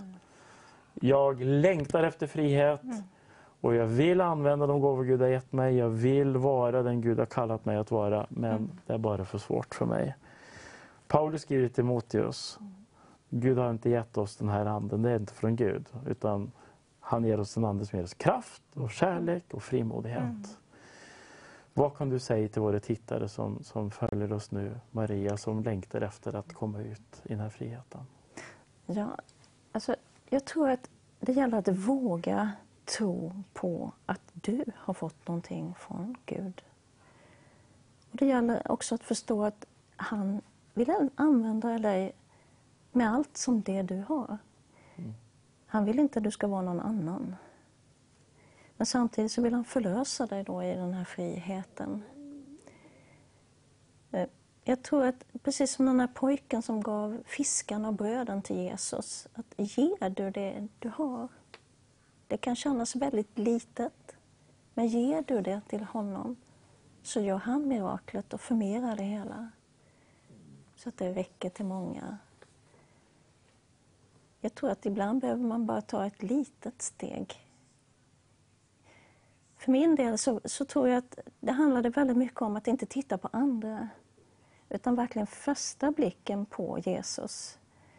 Peter han sa ett väldigt bra bibelord här när vi åkte igår. Att han sa att det gäller ju verkligen att titta på Jesus och inte på vågorna runt omkring. Att titta inte på dina tillkortakommanden och misslyckanden. Titta på Jesus. Det, vi är ju inte perfekta i oss själva. Det kommer vi aldrig vara. Men Gud har använder oss som lerkällor ändå. Han lägger ner gåvor i oss var och en. Och det du har, det har ingen annan. Så våga ge ut det du har. Var trygg med att Gud vill och att du har någonting. Ta ett litet steg bara. Mm. Det bestäm dig för att hoppa i vattnet helt enkelt. Amen. Och det bär. Eh, vi ska ju dra ihop det här om ungefär 10 minuter och gå över till, till att be för de bönen som kommit in. Så jag vill bara uppmana dig som följer oss där ute, skicka in dina bönämnen. Så om 10, ungefär 10-15 minuter så ska vi be tillsammans. Och vi ber till en Gud som hör bön. Och eh, Peter och Maria är levande vittnesbörd på att Gud hör bön, att Gud förändrar och förvandlar våra liv och våra omständigheter när vi ber till honom. Så skicka in dina bönämnen. Fantastiskt Maria. Ehm, Jesus är densamme igår och idag och i evighet. Och Bibeln talar om att bli rotad och grundad i Guds kärlek. Eh, Paulus ber faktiskt i Efesierbrevet det här. Han ber att vi ska bli rotade och grundade i kärleken. Och det är väl också en process tror jag, eller hur? Det är väl inte från en dag till nästa så har man jättedjupa rötter, utan det är ju en vandring att lära känna Gud. Ehm, men varför är just det här med att vara rotad i hans kärlek, varför är det så otroligt viktigt? Är det inte mycket annat som är rotad i tron och rotad i liksom det ena och det andra? Paulus tar just det här med kärleken som det mest centrala. Ja, vad ska jag svara på det? jag, jag egentligen har jag svaret själv där, men nej, jag, jag bara tänker på, för det, här- jag vet att du mycket i din förkunnelse pratar om det här med barnaskapet. Ja. Och jag har ju själv barn. Och jag tänker själv som förälder, det viktigaste jag kan ge mina barn är kärlek. För det är därför att det är kärleken som skapar identitet mer än något annat. Nu vet jag inte om det är rätt facitsvar, men, men det, det är det, vad jag skulle säga om jag fick frågan, tror jag att det är inget annat som så djupt formar vår identitet som att känna sig älskad. Och ska, liksom när det gäller vår uppfattning om Gud, vår far och vår uppfattning om oss själva. Skulle du kunna hålla med om det? Ja. Absolut. Det, det är ju liksom, Gud själv är ju kärlek. Ja. Och det är ju bara genom att ta, ta emot honom i oss själva som vi kan bryta fruktan och ge vidare hans kärlek. Ja. det står ju att kärleken fördriver all fruktan och det är som när man fyller på ett vattenglas och då måste allt det andra försvinna. Det, Och så ska det ju flöda över till andra också, eller hur? Det är ju liksom att det är ett ständigt levande vatten, ständig påfyllning och ständigt utgivande. Det är, ju, det är det viktiga. Det är det viktiga. Utan kärlek så är vi bara skallande symboler. Så att det, Nu sa du kärleken ska flöda över till andra.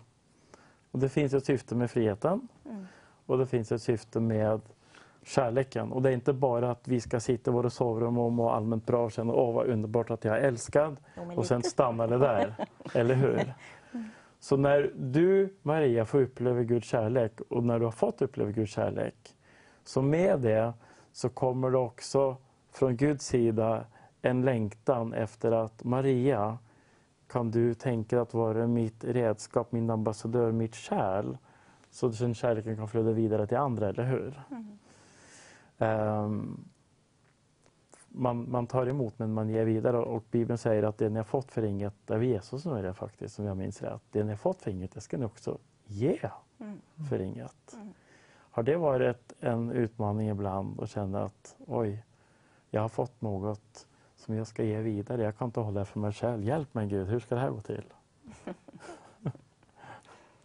ja, det är en utmaning. Men på något sätt så kan man inte hålla tyst. Liksom. Det är ju det att eh, blir man så fylld så, så flödar det över nästan på automatik. Ja, Att, eh, du kan inte ge någonting som du inte har tagit emot själv. ja. Det är därför du måste ha de här fina stunderna med Herren och Far själv. Att, eh, det måste fyllas ordentligt. Mm. Ibland behöver vi ta tid. Mm. Men eh, vi jobbar ju på det, all- alltid att, att konstant ge vidare. Mm. Det är ju i, i Guds natur. Mm. Alltså, Gu- Gud, Gud vill alltid förmera och dela vidare. Han är generös i sin kärlek. Mm. Det räcker till alla. Mm. Mm. Så det, det är ett flöde. Wow. Mm. Vi har, Lilian Karpinen som var här i början, hon berättade om hur Guds kärlek befriade henne från missbruk, från beroende och från massa olika saker. Och inte bara befriade hennes kropp från droger utan befriade hennes inre genom att hon fick en ny identitet.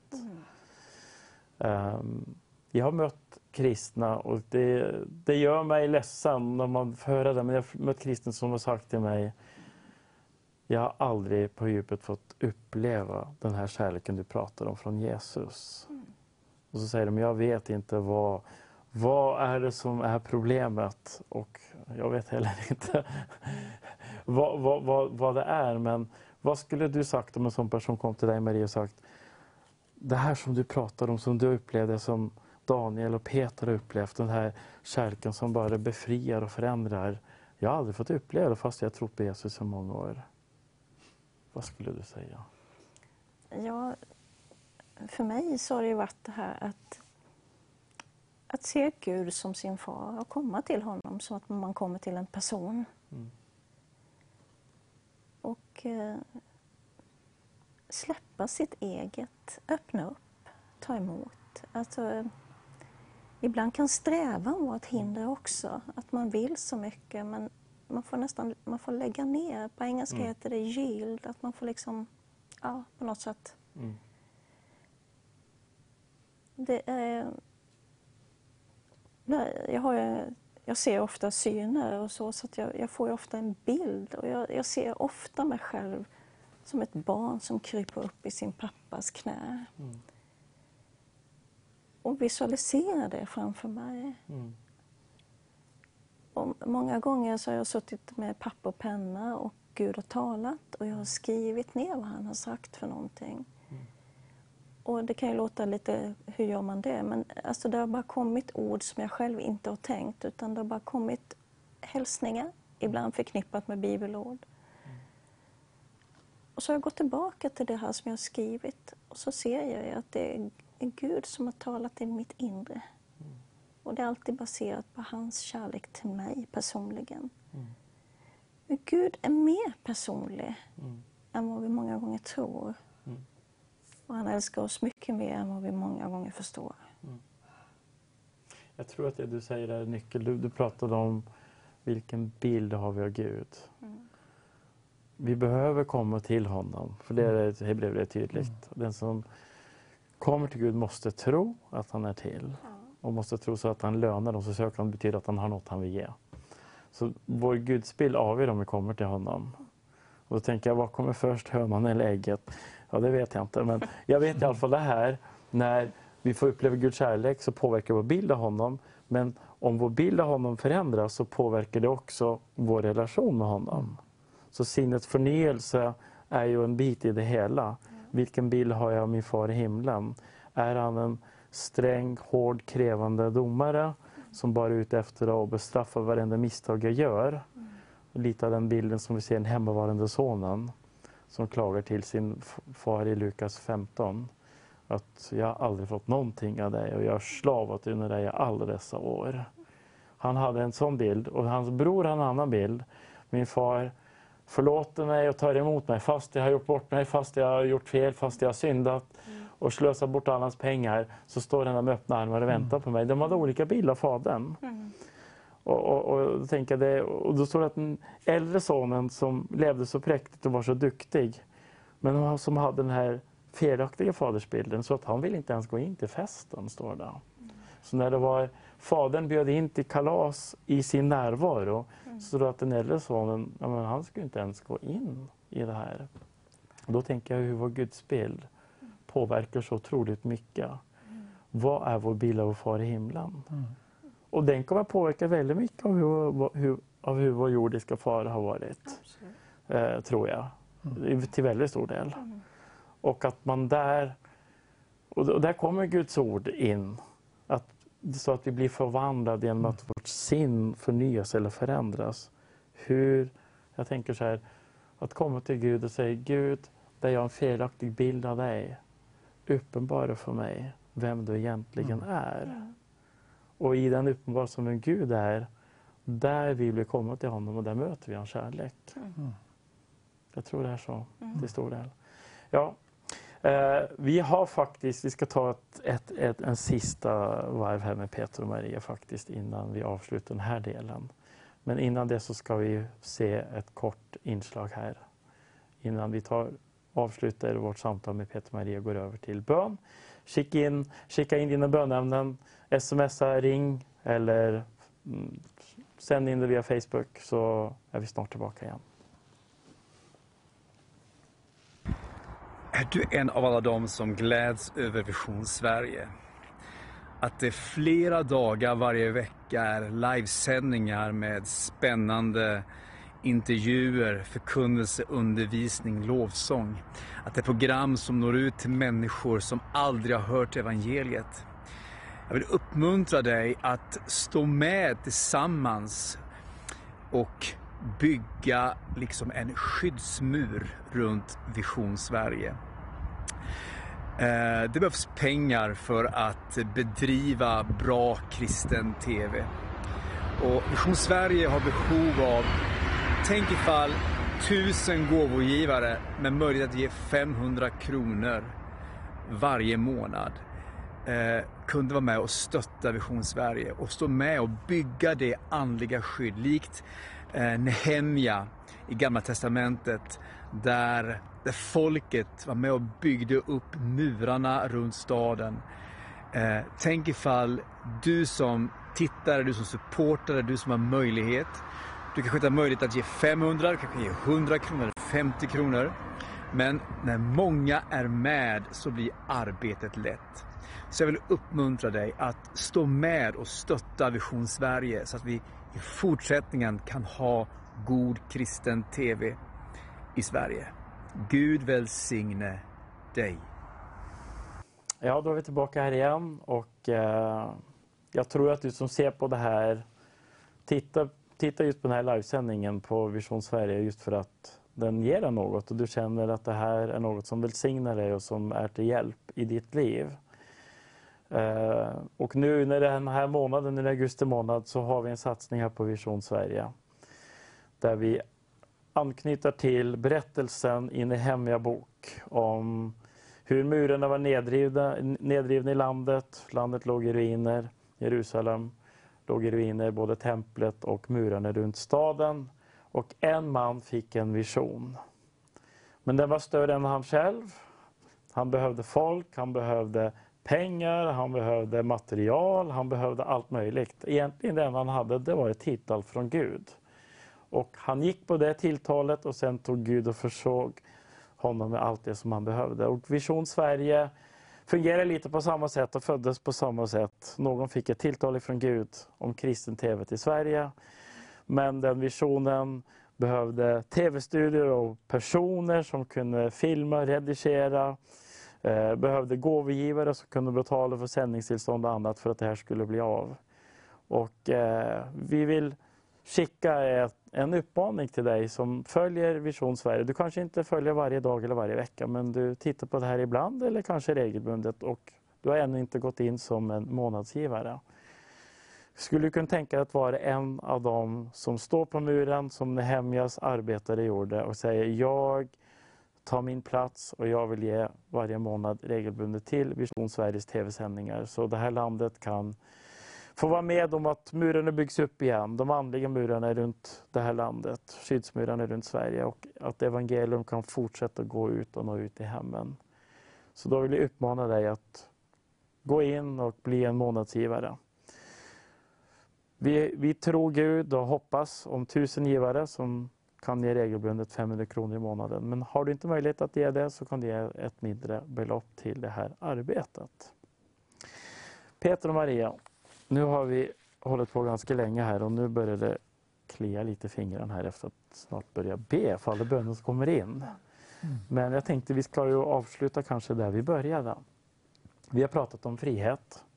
Vi har pratat om gåvor som Gud har lagt ned som han vill ska blomma upp i våra liv. Du har berättat från ditt liv och Peter har berättat från sitt liv. Eh, det står så här i Galaterbrevet 5 och 13. Ni är kallade till frihet bröder.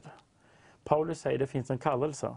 Och när jag läser det här så det säger mig två saker. Det ena är att Guds tanke för oss är frihet. Men samtidigt säger han att ni är kallade till frihet.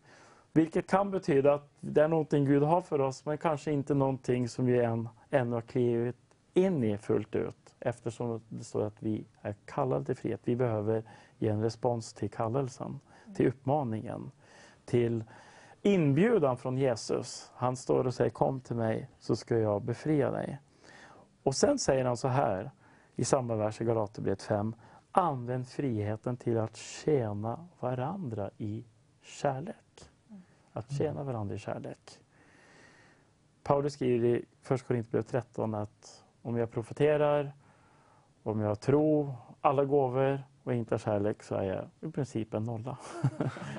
ja men det är det han säger. Jag är ingenting säger han, det är en nolla. Då är jag ingenting säger han. Det är liksom det är inte värt någonting. Varför är kärleken så otroligt viktigt i tjänandet och betjänandet av andra? När Paulus säger profetians gåva, helandets gåva, trons gåva, allt det här. Den bästa undervisningen i världen, ingenting av det är värt någonting om inte kärleken är själva strömmen i allt. Varför tror du han säger så, Maria?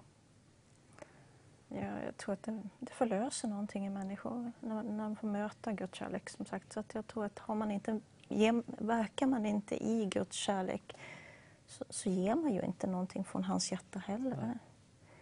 Så att, eh, det är ju hans kärlek vi ger vidare. Det är ju, mm. Och då tänkte jag på det som du sa förut, att Gud är kärlek. Mm. Så det, vi, det, det man förmedlar, det är Gud. Ja. Och har vi inte kärleken, då förmedlar jag kanske ett ord eller en gåva. Men det är inte Gud. Utan det är, det är, det är något annat. Eh, Paulus säger att vi ska jaga efter kärleken. Vi ska söka gåvorna säger han, men vi ska jaga efter kärleken. Vad tänker du där Peter? jag, jag tänker liksom på en jägare som tar fram sitt gevär och springer ut i skogen. Liksom. Nej, men han säger jaga, ett väldigt starkt ord. Alltså, det finns knappt ett starkare ord i Bibeln. Liksom. Det, det är mycket starkare än att söka. Han säger jaga efter kärleken. Det är, liksom, det, det är någonting som, som är så viktigt och betydelsefullt att vi ska liksom nästan lägga ner allt annat och bara det här måste jag ta i. Nu, Jag tror att det är lite så, när vi har provat på Guds kärlek eller fått en, en del av Guds kärlek, Mm. då jagar man efter den. Då vill man ha, Då vill ha med. då vill man ha mer tror jag. Då vill ha med. Ja, men det, det, fin, det finns en... Jag tänkte på det, det finns en... en jag, jag gillar indisk mat jättemycket och det finns en indisk restaurang i Eskilstuna som är nyöppnad och de har så god mat. Den får liksom 10 plus på min skala. Och där nästan, det är nästan så jag skulle vilja söka tillfällen eller ursäkter att kunna åka hela vägen från Flen till Eskilstuna bara för att äta lunch där. Liksom. Har man smakat någonting som är riktigt gott så vill man ha mer. Ja. Och Bibeln säger smaka och se, alltså se och upplev att Gud är god. Ja. Och har vi smakat den här kärleken då finns det inget annat som kan tillfredsställa oss. Mm. Det finns en sång, det finns inget i vår värld som kan tillfredsställa mig. Och, och så tror jag det är när man har mött den här kärleken. Det är, vi hade missbrukare förut som berättade hur alla pengar och allt hon hade gick till knark. Hon jagade efter knark. Men Guds kärlek tror jag också beroendeframkallande, fast på ett bra sätt.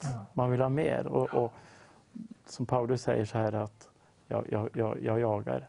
Jag jagar i, i, i Filipperbrevet. Jag jagar efter Jesus, jag jagar efter att känna honom mer. Jag vill ha mer av det han kan ge mig. Fantastiskt. Vi är kallade till frihet. Du som tittar på det här, du är kallad till frihet. Paulus ber att vi ska lära känna Kristi kärlek. Och det är inte samma sak som att känna till. Eller att veta om. Man kan veta om och man kan känna till. Jag växte upp i ett kristet hem och jag hade hört om Jesus och jag kände till en del saker. Men jag hade inte personligen fått uppleva och erfara den här kärleken. När jag var 19 år så mötte jag Jesus personligen och det förändrade mitt liv. Jag hade hört många predikningar innan som inte hade förändrat mig. Jag hade varit i kyrkan hela min uppväxt. Men när jag mötte personen Jesus och hans förvandlande kärlek så förändrades jag. Fantastiskt, underbart. Jesus han är här och han är där du är just nu och han vill möta dig där du är just nu. Och vi ska ta lite tid här. Vi har fått in en hel del böneämnen här under kvällen. Och innan vi går in i de här olika böneämnen så ska vi ta en lovsång. Och så kan du bara ställa in ditt hjärta, du som är där hemma nu. Att ta emot ifrån Gud.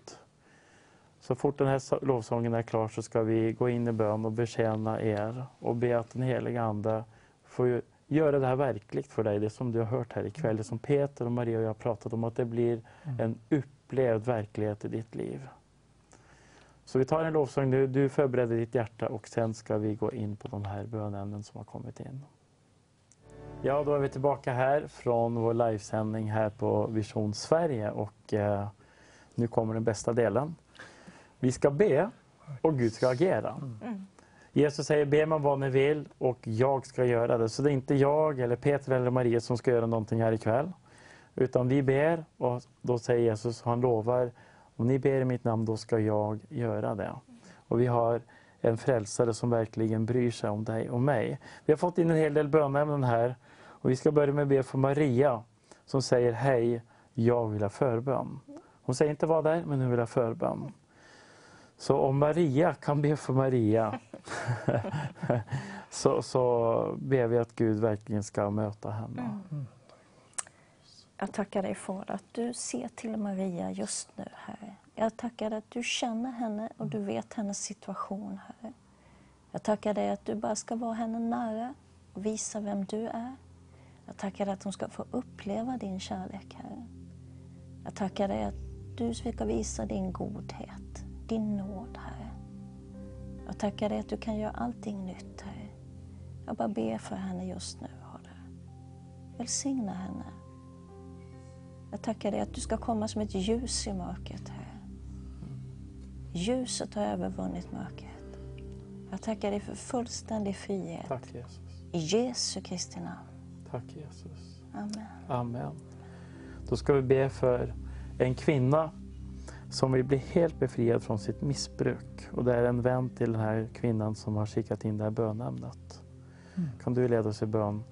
Peter att den här kvinnan verkligen ska få uppleva fullständig befrielse från all missbruk. Och vi tackar dig Fader för att vi får lämna den här kvinnan i dina händer Fader. Tack för att du vill befria från det som binder Fader. Vi tackar dig Fader för att du vill sätta henne fri, full frihet Fader. Vi tackar dig för att du griper in i den situationen är just nu Fader och bara lyfter av det här svåra, det här jobbiga missbruket i Jesu namn. Vi tackar dig Fader för att du har förmåga att förvandla, att upprätta, att göra nytt. Vi tackar dig Fader för att du bara gör på ett nytt sätt i den här kvinnans liv och bryter allt det gamla i Jesu namn. Amen. Halleluja. Tack Jesus. Jesus, vi bara lyfter upp Lena som har nervsmärta.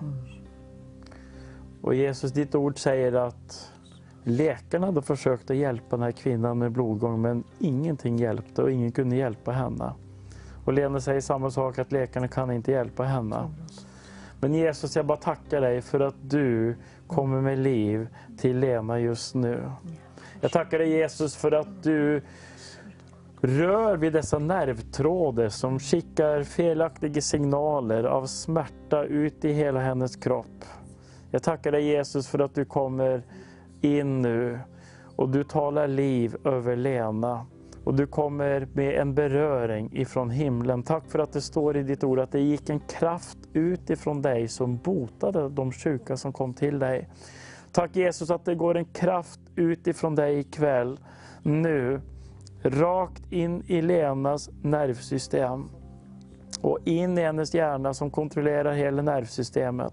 Och tack för att du rättar till alla felaktiga nervimpulser och nervsignaler i hennes kropp så hon får uppleva en frihet från smärta och nerver som skickar rätt signaler och som fungerar normalt. I Jesu namn. Amen. Amen. Då ska vi be för Diana. Hon säger så här att hon vill ha ett fullständigt helande för kropp, själ och ande, befrielse och upprättelse. Och hon vill leva ett liv där hon är ledd av anden, fri från fruktan och rädsla. Driven av Guds kärlek. Diana. Jag tackar dig för att du bara öppnar upp Dianas hjärta just nu här och du bara fyller på med ditt liv här. Ditt levande vatten här. Kom helige Ande och fyll henne med din kärlek. Fyll henne från topp till tå här. Jag tackar dig att din kärlek fördriver all fruktan. Jag binder den i Jesu namn. Jag bryter det i Jesu namn. Jag förlöser din kraft över henne. Din kärlek. Tack att hon ska få en uppenbarelse om vem du är med här. Och hur mycket du älskar henne. Tack att du älskar henne så högt. Tack. Så högt. Bara möt henne just nu här. Halleluja. I Jesu namn. Tack Jesus. Tack Jesus. Peter, du fick ett ord igår inför det här. Vad var det? Jag fick, eh, när vi bad för den här sändningen så fick jag ett ord att det var någon som hade blivit eh, drabbad av sorg Mm. och eh, blivit i stort sett lamslagen. Det har gått väldigt djupt och de har svårt att komma ur hela situationen. Då ska du be för Ilsa Mm. som säger be för min familj och tröst för Mm. mig och mina i, i, efter min flickas bortgång i cancer. Mm. Så om du kan be för, för- be för Ilsa om tröst och eh, att Gud ska komma till dem i sorgen Mm. och till familjen. Amen. Ja, vi tackar dig Fader för att du talar. Vi tackar dig Fader för att du talar till den här familjen just nu.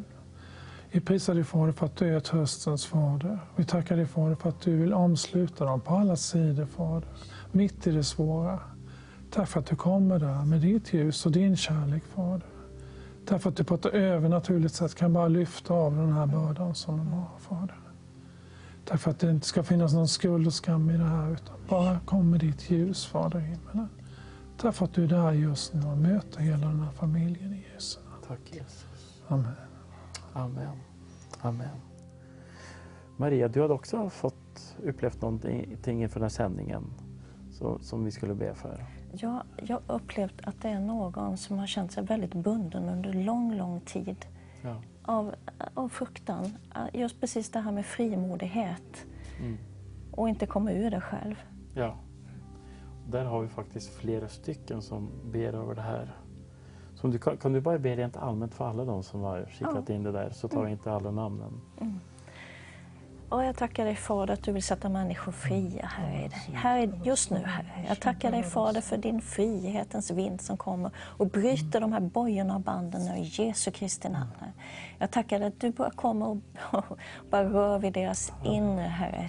Du sätter dem fria Herre och förstår en full förståelse om att de är älskade precis som de är Fader. Jag tackar dig att du bara talar till någon just nu, att du säger att det är ett nytt kapitel nu, att det kommer en ny tid nu. Att det gamla är förgånget. Och att det som har varit ska inte på något sätt påverka eller för- förlama i fruktan. Utan det gamla är förgånget. Att du gör någonting nytt just nu. Tack I. Jesu namn. Halleluja. Amen. Och för- då är det en som har skrivit så här, be för Björn. Han mår så dåligt och vill inte leva längre och är beroende av alkohol. Han behöver bli fri men tror inte på Gud. Nu hörde vi förut och vår kära syster Anna-Lisa som berättade om att hon var beroende av alkohol. Hon mådde dåligt. Hon ville inte le- leva längre. Och behövde bli fri. Och Jesus kom till henne. Hon sökte inte upp Jesus. Utan Jesus bara kom rakt in i hennes liv. Så nu ska vi be för Björn. Far i himlen, vi bara prisar och tackar dig. För att du är en Gud som gör under. Vi tackar dig Jesus för att det du har gjort för en person, det kan du göra för andra. Och det vill du göra för andra. Det du, det du gjorde för Anna-Lisa Karpinen, det kan och vill du göra för Björn. Och nu ber vi Gud att du ska komma till Björn. Oavsett om man tror på dig eller inte. Så tackar vi dig Gud för att du kommer med frihet till honom. Den kärleken som fördrev fruktan och ångest och depression i Anna-Lisa som gjorde att eh, hon inte längre ville ta sitt liv, som gjorde att hon fick mening, innehåll, som gjorde att hon hittade hem till Faderns hjärta. Jag bara ber Gud att din överväldigande kärlek och kraft och liv ska drabba Björn i Jesu namn med full kraft. Tackar dig Jesus för att du ska invadera hans hem, hans hjärta, hans liv med ditt rike med din rättfärdighet, med din frid och din glädje, med din renhet, med din upprättelse, med din nåd och med din kärlek i Jesu namn. Och jag ber Gud att du drar honom med lena band som det står i Jesaja. Du drar honom med kärlekens band in i ditt rike, ur mörkrets rike, i Jesu namn. Amen. Här kommer också någonting som jag skulle vilja att du ber för Maria. Birgitta skriver så här. Be att min nyfrälste man och jag ska få känna Gud tillsammans. Mm. Fantastiskt, eller hur? Wow! Det ber jag gärna för. Det, det, där, alltså, det, där, det är verkligen bön som, som, som Gud och alla säger amen till. Ja. Birgitta. Ja, jag tackar dig Fader att Birgitta och hennes make ska kunna få tjäna dig tillsammans. Jag tackar dig att du har, du har gjort- upprättat ett förbund, att det, vi ska kunna ge ut av dig tillsammans. Jag tackar dig Fader att de ska kunna komplettera varandra. Herre. De ska kunna tjäna precis som de är tillsammans med det de har fått av dig. Fast de är olika och olika gåvor. Herre. Jag tackar dig för att det blir komplett tillsammans i dig, Herre. Jag tackar dig Fader för att du förlöser dem. Jag tackar dig att du ger dem drömmar och du ger dem visioner. Du talar till dem vad du har tänkt i deras liv, Herre. Jag tackar dig att du ska uppmuntra dem och ge dem frimodighet att ta små steg tillsammans i Jesu Kristi namn. Halleluja, amen. Då Peter, här är det en kvinna som säger så här. Jag har ont i höger arm, hemska värk när jag lyfter eller städar. Mm. Det har inte släppt. Hon har haft det sedan maj. Värktabletter hjälper ingenting. Det gör så otroligt ont. Hon skriver skriver vidare att hon inte orkar. Ehm, så om vi kan be för, för hennes arm, att det här verket ska gå. Precis som Gud botade ditt hjärta. Amen. Ja, jag tackar dig Fader för att du är stor, att du är på riktigt, att du är verklighet. Därför att du ser den här kvinnans arm hennes kropp just nu Fader. Vi tackar dig Fader för att du vill bara ta bort det som gör ont. det som är fel, Fader. Vi tackar dig, Fader, för att du vill läka just nu. Tack för att du bara lyfter av den smärtan som hon känner just nu, Fader. Vi tackar dig, Fader, för att du vill hela precis just nu, Fader i himmelen. Tack för att du gör det. Vi bara prisar dig. Fader. Tack Jesus. Far, vi vill också be för Etel som har haft besvär i fyra månader med sin hals. Mm. Tackar dig Jesus att det finns inget som är för lite för dig och det finns inget som är för stort för dig. Det finns inget som är för svårt för dig och det finns inget som du tycker att ja, men det där är så det där är en petitess och det bryr jag mig inte om. Du bryr dig om hennes hals. Du bryr dig om Etels hals. Du vill att den ska fungera. Du vill att hon ska kunna prata, tillbe, prisa dig, lyfta upp sin röst. Fungera normalt. Så jag bara tackar dig Jesus för att du låter din helande olja nu rinna ner i Etels hals. Tack för att ditt namn är en olja, ditt namn är en balsam och vi talar ut namnet Jesus över Etel.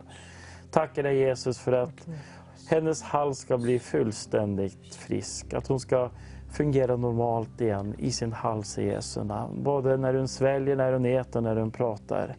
Allting i Jesu namn. Tack för att du bara återställer hennes kropp i Jesu namn. Amen. Snälla, jag behöver verkligen hjälp, bönekamp för min bror och hans bebis. Att Jesus ska gripa in i deras liv. Det är Nadja som säger det här. Peter, vill du be för Nadja? Tack Fader för att du ser Nadja just nu, Fader i himmelen. Tack för att du ser hela situationen. Hennes bror, borsbarn. Ja, vi tackar dig Fader för att du är där just nu. Tack för att vi får lägga dem i dina dyra händer Jesus. Tack för att du vill lyfta upp dem. Tack för att du vill hjälpa. Tack för att du vill styrka. Vi bara prisar och lovar dig Fader för att du ser precis, precis allting. Vi prisar dig Fader för att vi får vara trygga med att du vill möta. Tack Fader för att du gör det just nu. Jesu namn. Amen. Sen var det ett bönämne här. Jag funderade faktiskt Maria om jag skulle hoppa över det men tänkte jag nej. Gud bryr sig även om små saker. Och jag vet att ni har en katt. Och då skriver Anna, be att vår katt kommer in. Som har varit ute nästan ett dygn. Gud bryr sig även om katter. Jesus pratar om fåglarna. Ja, absolut. Alltså Gud har svarat på våra böner när vi har bett för våra djur. Så att, eh, Ja. Absolut. Ja, och då sa att är far i himlen, ge även mat till fåglarna. Han bryr sig om sparven, säger Jesus. Då bryr han sig om katten. Så du kan be att den här katten kommer hem. Mm. Jag tackar dig Fader att du ska bara leda den här lilla katten hem. Här. Jag tackar dig ska det bli ett jättestort vittnesbörd för att du har hört min bön just nu, Herre. Jag tackar dig Fader att du är omsorg om våra husdjur också. Jag tackar dig att du leder katten hem nu, i Jesu namn. Halleluja. Jesus, jag vill också lyfta upp Kerstin. Som sover dåligt och som är trött ständigt och har svårt att orka med sin familj och sitt arbete. Gud, jag bara lyfter upp Kerstin inför dig. Jag tackar dig Jesus för att du säger i ditt ord att du ger den trötte kraft. Och den som ingen styrka har, ger du ny styrka. Jesus, du säger även i Matteus 11 att kom till mig alla ni som arbetar och bär på tunga bördor. Kom till mig ni som är trötta, jag ska ge vila. Jesus, jag bara tackar dig för Kerstin. Jag bara tackar dig Gud för den heliga Ande som vi hörde om ikväll, som är kraftens ande, står det. Inte modlöshetens ande. Du ser att Kerstin kanske känner sig modlös nu på grund av den här tröttheten.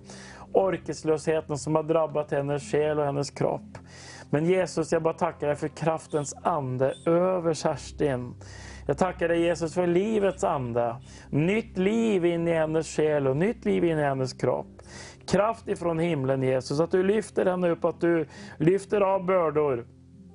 Att du lyfter av tungsinne, modlöshet och trötthet i Jesu namn. Att du kommer med vederkvickelse in i hennes själ. Att du för henne till vatten där hon finner ro. Att hon får dricka ditt levande vatten i Jesu namn. Att hon får lägga sig ner i de gröna ängarna. Att du dukar ett bord för henne i Jesu namn. Att du mätter henne med ett långt liv och med din godhet och nåd. I enlighet med psalm 23. I Jesu namn.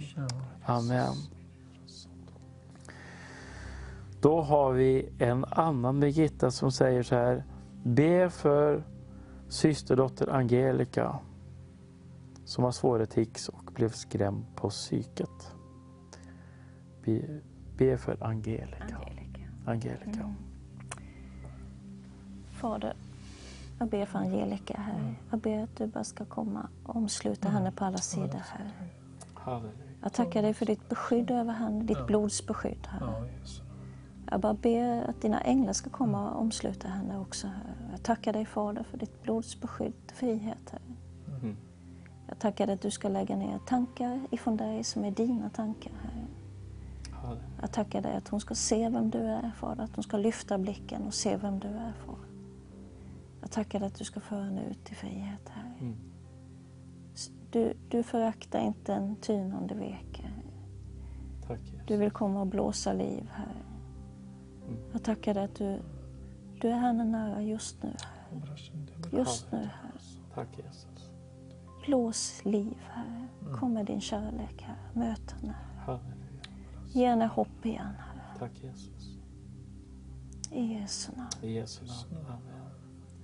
Då gör vi så här att vi tar en lovsång här och sen ska vi fortsätta be. Vi har fortfarande en hel del bönämnen kvar här. Men vi tar en paus med en lovsång här innan Peter och Maria och jag fortsätter att be. Du kan fortfarande skicka in dina bönämnen så ska vi be för dig. Amen.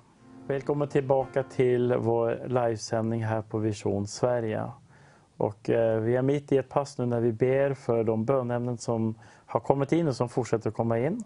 Och vi ska fortsätta med det 15-20 minuter till här och, och lyfta upp i bön det som har kommit in här via Facebook och på olika sätt. Men innan vi fortsätter med de här bönämnen så har du också upplevt någonting Maria som du vill att vi ska be för. Ja, jag upplever att det finns någon här som sitter besviken. Besviken på att inte ha blivit sedd av Gud. Och jag känner att du är på väg att ge upp. Du känner att du har inte fått det här mötet med Guds kärlek. Och det, har blivit, det har liksom stormat och det har blåst i ditt liv. Och jag, jag bara hör att far säga att du är älskad av mig. Jag har inte glömt dig. Jag vill komma till dig på ett nytt sätt och jag vill lyfta upp dig. Jag vill visa min kärlek och min godhet till dig igen. Det du längtar efter, det finns hos mig och mer än det du har bett om. Tvivla inte på min godhet. Kom till mig en gång till så ska jag visa dig hur mycket du älskar av mig. Ja. Skulle vilja be för henne också. Ja. Ja. Jag tackar dig Fader att du bara rör vid dem, den människa som känner sig träffad av det som du talade här.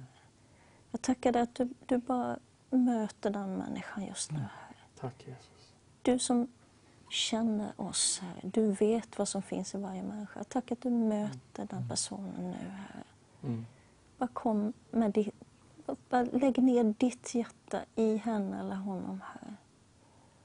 Öppna en, ögon, så inre ögon så de förstår och ser och känner och erfar din kärlek. Ge, ge dem hopp här. Det finns ingenting som är omöjligt för dig. Du kan vända alla situationer här. Jag tackar dig att du fyller den här personen nu. Från topp till tå. I Jesu namn. Halleluja. Amen. Vi ska fortsätta be här. Jag fick också här under pausen, jag tror upplevt att det är en kille på 18 år som tittar på det här och du vill egentligen inte titta på det här och du vet inte varför du är inne på det här och tänker vad är det här för något? Du kom in på något, halkade in på det här på, som på ett bananskal. Du har tittat lite när vi ber och funderat vad, vad, är det som, vad är det som pågår här? Men det finns en, ett rop inom dig att mitt liv har inget värde. Jag vet inte vem jag är, jag vet inte varför jag finns till. Jag bara såg hur du gick runt i ditt vardagsrum och allmänt uppgiven men frustrerad, arg och ledsen på en och samma gång. Och, och inom dig så är det bara ett stort rop. Varför lever jag? Vem är jag? Varför finns jag? Och eh, Gud talar till den här kvällen och säger till dig, jag har valt dig, jag har utvalt dig. Redan innan du föddes så bestämde jag att ditt liv skulle komma till. Och Gud har en tanke med ditt liv, han har en plan med ditt liv. Och jag ska be att hans frid ska komma in i ditt hjärta just nu som ett tecken på att han ser dig och att han hör dig. Att han har hört din frustration och den här stormen som har varit i ditt inre. Jag ska be Gud frid över dig just nu som ett tecken på att han verkligen finns och att han ser dig. Och att han lever och att han kallar dig till sig. Så Jesus, jag vill bara be för den här unga killen på 18 år som kanske inte hade tänkt alls att han skulle titta på det här ikväll eller komma in på den här livesändningen överhuvudtaget. Kanske sitter där med sin mobil hemma.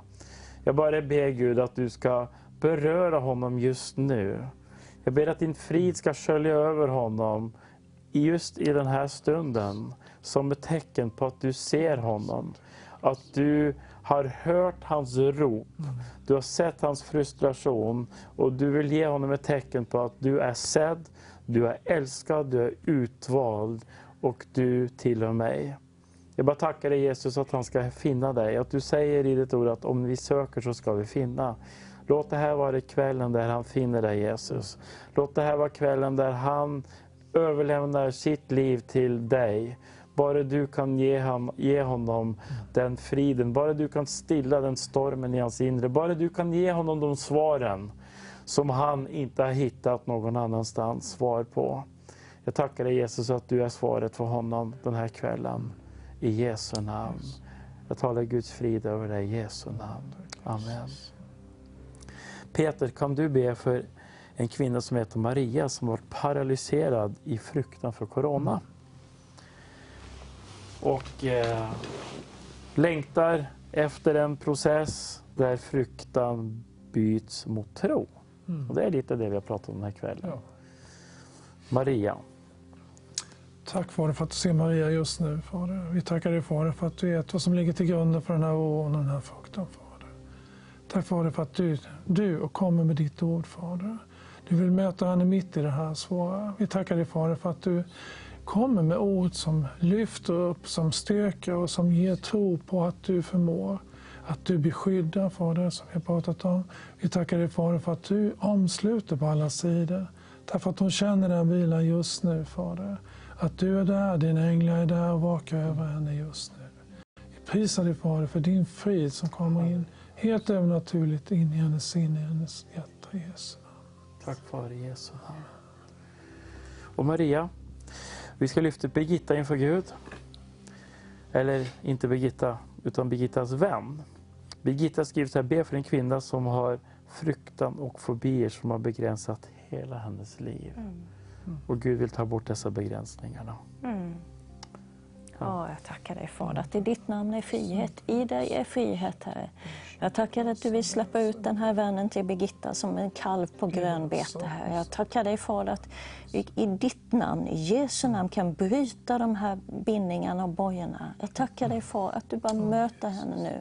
Möt henne med din kärlek som fördriver all fruktan, som tvingar bort all fruktan. Här. Jag tackar dig att din kärlek är större ditt namn är större och din kärlek är större än allt som har hållit henne fången.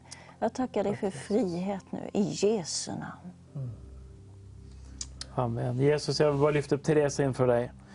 Tackar dig Jesus för att du är god. Och jag tackar dig Jesus att din godhet ska bara drabba Theresia just nu i Jesu namn. Och du ser att hon har hostat mycket och att det inte har gått bort. Hon har bett, hon har hoppats, hon har väntat. Och hon säger att hon inte orkar jobba med den här ständiga hostan. Jesus, vi bara bär fram Therese inför dig ikväll. Vi lyfter fram henne inför dig ikväll, precis som de här fyra männen gjorde med sin vän som var lam. De lyfte fram honom inför dig Jesus. Och du rörde vid mannen och han kunde gå hem därifrån och bära sin egen säng, han som har varit lam i så många år. Jesus, vi bär fram Therese inför dig och vi bara tackar dig Jesus att du tar bort den här hostan i Jesu namn. Tack för att ditt namn får vara den här salvan som rinner ner i hennes hals nu i Jesu namn. Som brinner bort all infektion i Jesu namn. Som tar bort allt som stör, och det så här flimmerhåren. Vad det än är som stör och som skapar den, orsakar den här hostan. Jag bara ber Jesus att du ska vidröra Therese. Tack för att du välsignar hennes kropp, stärker hennes immunförsvar i Jesu namn. Gör henne motståndsduktig mot infektioner och sjukdomar i Jesu namn. Välsigna Therese den här kvällen. Tack för att hon ska kunna gå tillbaka till jobbet fri från hosta, med glädje i sitt hjärta i Jesu namn. Utan dessa besvär. Amen. Då ska vi lyfta upp Peter Jimmy. Oro för en tumör som har drabbat honom.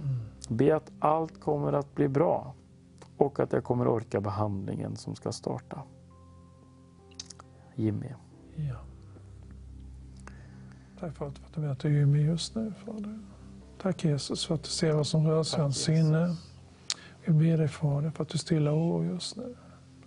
Vi ber dig också Fader för framgång för behandling men också att du griper in och tar bort det som är fel. Fader. Vi ber dig Fader, torka upp detta. Vi ber dig Fader, ta bort detta i Jesu namn. Vi prisar dig Fader för att du har förmågan och du har kraften. Tack helige Ande för att du är där och bara gör nytt och bara gör bra igen i Jesu namn. Amen. Amen. Här kommer en fantastiskt härlig broder. Han skriver så här, Ramon. Den här, den här gillar jag, Maria. Han skriver förbön, ja tack. Extra, extra, extra allt på alla områden. Så han vill ha mycket. Så här får du be fritt, precis vad som helst. Men bara extra allt. Hamburgare med både ost och bacon och eh, gurka och hela paketet. Ramon. Jabes bön, han bad att Gud skulle välsigna honom och Gud hörde hans bön och gjorde det. Amen. Att, eh, jag tackar dig för att du välsignar honom. Amen. Välsigna honom med extra, extra allt. Herre. Jag tackar dig för att du ska bara, det ska bara flöda över honom och i honom, Herre. Jag tackar dig för många gåvor, Herre. Jag tackar dig att du lägger ner allt som han längtar efter, Fader. Ja. Mer än vad han har bett om, Herre. Amen. För du är god. Jag tackar dig för det i Jesu namn. Tack Jesus. Amen. Och Far i himlen, vi ber för den här kvinnan som behöver bli fri från ångest. Tackar dig Jesus att du tog vår ångest på korset. Du bar vår ångest på korset. Du bar vår fruktan upp på korsets trä. Tackar dig Jesus för det vi, har fått höra hela den här kvällen. Att du Jesus har kallat oss till frihet. Och den här kvinnan kallar du ut i frihet. Frihet från ångest. Från vad det än måtte vara. Om det är ångest för döden eller sjukdomar eller människor eller vad det än är. Så tackar jag dig Jesus att ditt namn har frihet. Att ditt namn har liv. Att ditt namn har kraft. Halleluja. Vi talar ut namnet Jesus över den här kvinnan. Och jag ber Gud att din kärlek ska invadera hennes hjärta och driva ut fruktan, driva ut ångest, fördriva allt det här. Jag ber Gud att du förändrar och förvandlar hennes sinne också. Så alla tankemönster av fruktan som förlamar och paralyserar henne, som har funnits där under många år. Helt tillbaka till barndomen kanske. Jag ber Gud att dessa tankesystem som paralyserar henne med ångest, att dessa byggnad, tankebyggnader ska rivas ned av din sanning i Jesu namn. Att du ger henne nåden att få ett förnyat sinne som kan tänka rätt och förvänta sig allt gott ifrån dig i Jesu namn. Amen. Peter, vi ska be för Carl Gustav. Han säger be om befrielse från fruktan. Mm. Tack Fader för att du ser Carl Gustav just nu. Tack Fader för att du kan byta ut fruktan mot någonting annat. Nå- Något som är så övernaturligt som en frid Fader. Vi tackar dig Fader för att du gör det just nu. Tack för att du bara omsluter honom Fader. Tack för att du är där och möter honom just nu i hans situation, precis där han är Fader. Tack Fader för din Tack frid. Tack för att han känner den just nu. I Jesu namn. Halleluja. Tack Jesus. Nu är det väldigt många som heter Maria som hör av sig. Du råkar få många av dem. Varje- Inte varje gång, men ofta när det är din tur så är det en Maria här. Och här är det Maria, en Maria som vill ha förbön. Be att smärta i mina fötter ska försvinna, säger Maria. Smärta i fötterna. Smärta i fötterna. Mm. Jag har haft ont i, mina fötter idag. Jag måste bara säga det faktiskt. Jag var jätteförvånad för jag har haft jätteont och jag undrar att jag aldrig haft det förut. Så att det är nog Gud som talat till mig. Ja. Jag tackar dig Fader Tack, att du uppenbarade för mig att det var någon som hade ont i fötterna. Mm. Jag tackar dig att du vill hela. Jag tackar dig att du tar den allt som orsakar den här smärtan just nu i Marias fötter här. Inflammation och allt vad det är som kan orsaka det hela, det tar du bort nu. Jag befaller det att försvinna. Jag tackar dig för att du är vår läkare. Jag tackar dig Jesus att du har tagit alla sjukdomar på dig. Jag tackar dig att det tillhör oss som din, våra barn att ta emot det du har gjort på korset. Jag tackar dig för ett fullständigt helande nu i Marias fötter. I Jesu namn. Halleluja, tack Jesus. Sen har vi en underbar, underbar, underbar kvinna som heter Gertrud. Jag är tacksam för förbön. Jag har svår värk i höger sida. Från ländryggen och ner i höger ben på nätterna. Jag vaknar av smärtan och tabletter fungerar inte. Gud, Far i himlen, du är en god far.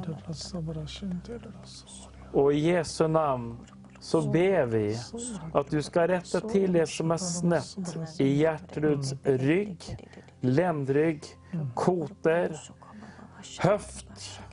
Där saker har blivit snett, där det har varit en snedbelastning under många år, där det är slitage, där det är skador i senor, i ben, kanske även i nerverna i Jesu namn. Jag tackar dig Jesus att du är den som säger Se, jag gör allting nytt.